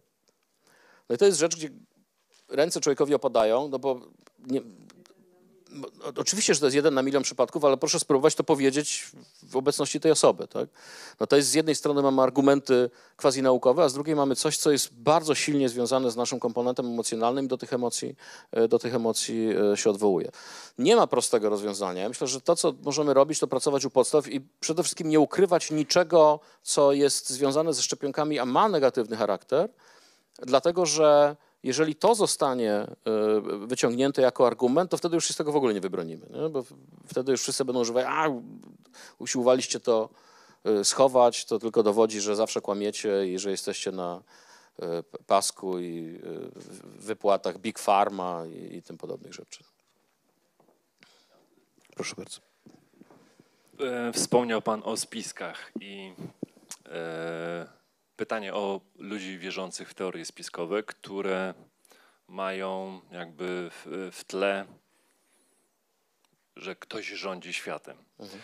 E, przede wszystkim wydaje się, że to jest jakby e, w przeciwieństwie albo przeczy temu, co było na początku jako jedna z tych dziesięciu, e, dziesięciu powodów, o których wierzymy, bo to jest jakby wiedza elitarna, a nie powszechna i to pewnie daje jakieś poczucie elitarności. Nie, ale wszyscy wiedzą, że jest jakiś spisek. No, pewnie tak, ale czy to jest jedynie to poczucie elity, należenia do jakiejś grupy, która ma elitarną wiedzę nie, o tym, jak Myślę, że, że akurat czy... spiskowe, spiskowe e, teorie dotyczące tam, grupy Bilderberg albo iluminatów, e, albo masonów są związane przede wszystkim z tymi urzekająco prostymi rozwiązaniami. No bo możemy sobie wyobrazić człowieka, który widzi, że świat wygląda tak, jak wygląda i nagle ktoś przychodzi i mówi, ale to wszystko Żydzi. Nie?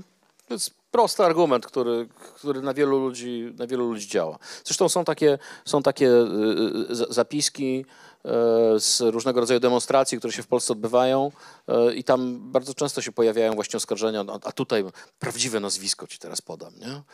Jakiejś osoby. On tylko się tak udaje, że się tak nazywa, a tak naprawdę to, to i tutaj podajemy jakieś żydows żydowsko brzmiące nazwisko i wszystko jest jasne. Bo to jest właśnie to urzekająco proste rozwiązanie. I myślę, że ta spiskowa koncepcja dziejów i wiara w spiski rządzące światem właśnie się do tego odwołuje, że e, to jest ten pan Artur, o którym ja mówiłem na początku, który wie, że jest jakiś rząd światowy, na przykład grupa Bilderberg albo Iluminaci właśnie, którzy gdzieś to wszystko planują i wtedy wystarczy znaleźć coś, co, e, co odrobinę chociaż to potwierdza i można we właściwy sposób to zinterpretować. Jest, e, nie wiem, czy Państwo widzieli zdjęcia lotniska w Dallas. To, to jest jeden z najciekawszych w ogóle koncepcji spiskowych. Poczytajcie sobie trochę o lotnisku w Dallas, które jest traktowane przez ludzi wyznających, e, wyznających teorie spiskowe jako port do komunikacji z nowym rządem światowym. I tam mają być właśnie na ścianach znaki, tu gdzieś masoni się pojawiają. To są, e, generalnie chodzi o to, żeby wybić całą populację świata, bo tam są specjalne komory, gdzie wszyscy zostaniemy zagazowani nie? Pod, tym, pod, tym, pod tym lotniskiem. No, ja myślę, że to właśnie jest to, że ludziom, e, do ludzi to przemawia, że, że mamy jakąś prostą teorię, mamy jakąś konstrukcję, która ma pewne pozory logiczności, tak? no bo jakbyście sobie poczytali te, te właśnie spiskowe koncepcje, to właśnie to tak, tak wygląda. E, I te e, pozory logiczności dla większości ludzi wystarczają. Ale jak mówię, to, to jest fascynująca rzecz. Te spiskowe koncepcje dziejów to, to, są, to są piękne, piękne rzeczy do analizowania. Ok, jest tutaj jeszcze pytanie. Dobrze. Aha. Okej, okay, to, to, to, ja myślę, że ma pani rację. To znaczy, jeżeli widzimy, że komuś coś nie szkodzi i on sobie, e, nie wiem, no, ja pamiętam, że na jednej z konferencji e, pewna pani profesor psychologii przyszła do mnie i powiedziała, że ja akurat byłem taką osobą, która była odpowiedzialna za jedną sesję i zapytała, czy może rzucać y, slajdy ze swojego komputera, nie ze swojego USB sticka, tylko ze swojego komputera, bo to jest jej szczęśliwy komputer i ona bardzo lubi z niego, bo to jej daje dużo, dużo takie poczucie pewności i szczęścia. No co to komu szkodzi tak naprawdę? Ale jeżeli widzimy, że ktoś się strasznie zamęcza, bo pojechał na wczasy, a nie zabrał swojego ulubionego kocyka i wiadomo, że wczasy teraz będą beznadziejne, no to myślę, że powinniśmy rzeczywiście interweniować. Bardzo proszę. Albo jeżeli mamy taką możliwość, pewnie, że tak. To trochę mi to przypomina taką sytuację, jak czasem są bardzo proste rozwiązania, e, a my nie chcemy w nie uwierzyć. Jedna z moich znajomych jest lekarzem pierwszego kontaktu i opowiadała, że przyszła do niej kiedyś pewna pani i powiedziała, że ma taki, taki problem, że jak zjera barbar, to ją strasznie boli tutaj lewy bok. I się najera barbaru, to strasznie boli lewy bok. I ona wtedy powiedziała, wie pani co, to ja, ja proponuję, że pani po prostu nie jadła barbaru. No. No i ta pani na nią donos napisała do NFZ-u, że, że się, że się nie, nie, nie nadaje, nie, jest w ogóle do niczego. Nie? Więc czasami te proste rozwiązania są zbyt proste dla niektórych rzeczy. Lepiej wziąć witaminę C lewoskrętną i to na pewno będzie nam pomagało na kłopoty z rabarbar. Jesteśmy poddawani właśnie tego typu manipulacjom i, i docieranie do prawdy trwa bardzo długo i nawet raz się odważyłam napisać panu Ziębie, że z całym szacunkiem dla jego osoby, ale on nie jest lekarzem medycyny i z inżynierem jakimś, jeśli dobrze pamiętam. Tak. Mhm. Może się wypowiadać na pewne tematy, więc szybko zostałam wyrugowana. Ale to mogę Panią pocieszyć, że moja przyjaciółka, doktor psychologii, która zajmuje się właśnie takimi, zwłaszcza w medycynie, yy, humbugami, tak bym to określił, pojechała na, na targi, gdzie był Zięba. Dla tych z Państwa, którzy się nie znają, to jest taki guru polskich alternatywnych terapii. E, ukryte terapie, tak się chyba nazywa jego taka najsłynniejsza książka. E, I powiedziała, że słuchaj, ale to nie jest prosto z tym kolesiem rozmawiać. To, to, to naprawdę to, to, nie są, to nie są łatwe rzeczy. To są świetni specjaliści, znakomicie przygotowani i oni nawet mogą wierzyć w to, co mówią. Tak? Ale oczywiście, że tak. Oczywiście. No bo można, no, no, no, mało, że tutaj no, to może być tak, że albo skorzystam, albo nie ale te techniki manipulacyjne wykorzystywane są praktycznie wszędzie. No przede wszystkim właśnie no, no w bankach, w sklepach, no wszędzie. Teraz, żeby już tak zakończyć jakimś takim trochę bardziej pozytywnym akcentem, e, muszę Państwu powiedzieć, że teraz przed nami bardzo trudny czas, bo będziemy mieli strasznie dużo e, różnego rodzaju reklam dotyczących e, skutecznych leków na przeziębienie może Państwo wiedzą, może nie, że największym, największym reklamodawcą w Polsce jest Aflofarm. E, on ma ponad połowę całego rynku reklamowego. Znaczy ponad połowę całego rynku reklamowego w Polsce ma jedna firma, która produkuje leki. To Państwu też trochę pokazuje, jakie to są gigantyczne pieniądze. Mogę Państwu powiedzieć, że ostatnio nawet okazało się, że nawet witamina C nie działa na przeziębienie. Są jakieś takie najnowsze badania, które pokazują, że e, wszystkie rutynoskorbiny możemy sobie włożyć do kosza. Wszystko, co może pomagać, to dużo płynów i myślę, że to jest dobra wróżba na resztę wieczoru w tej sytuacji. Dziękuję Państwu bardzo za spotkanie.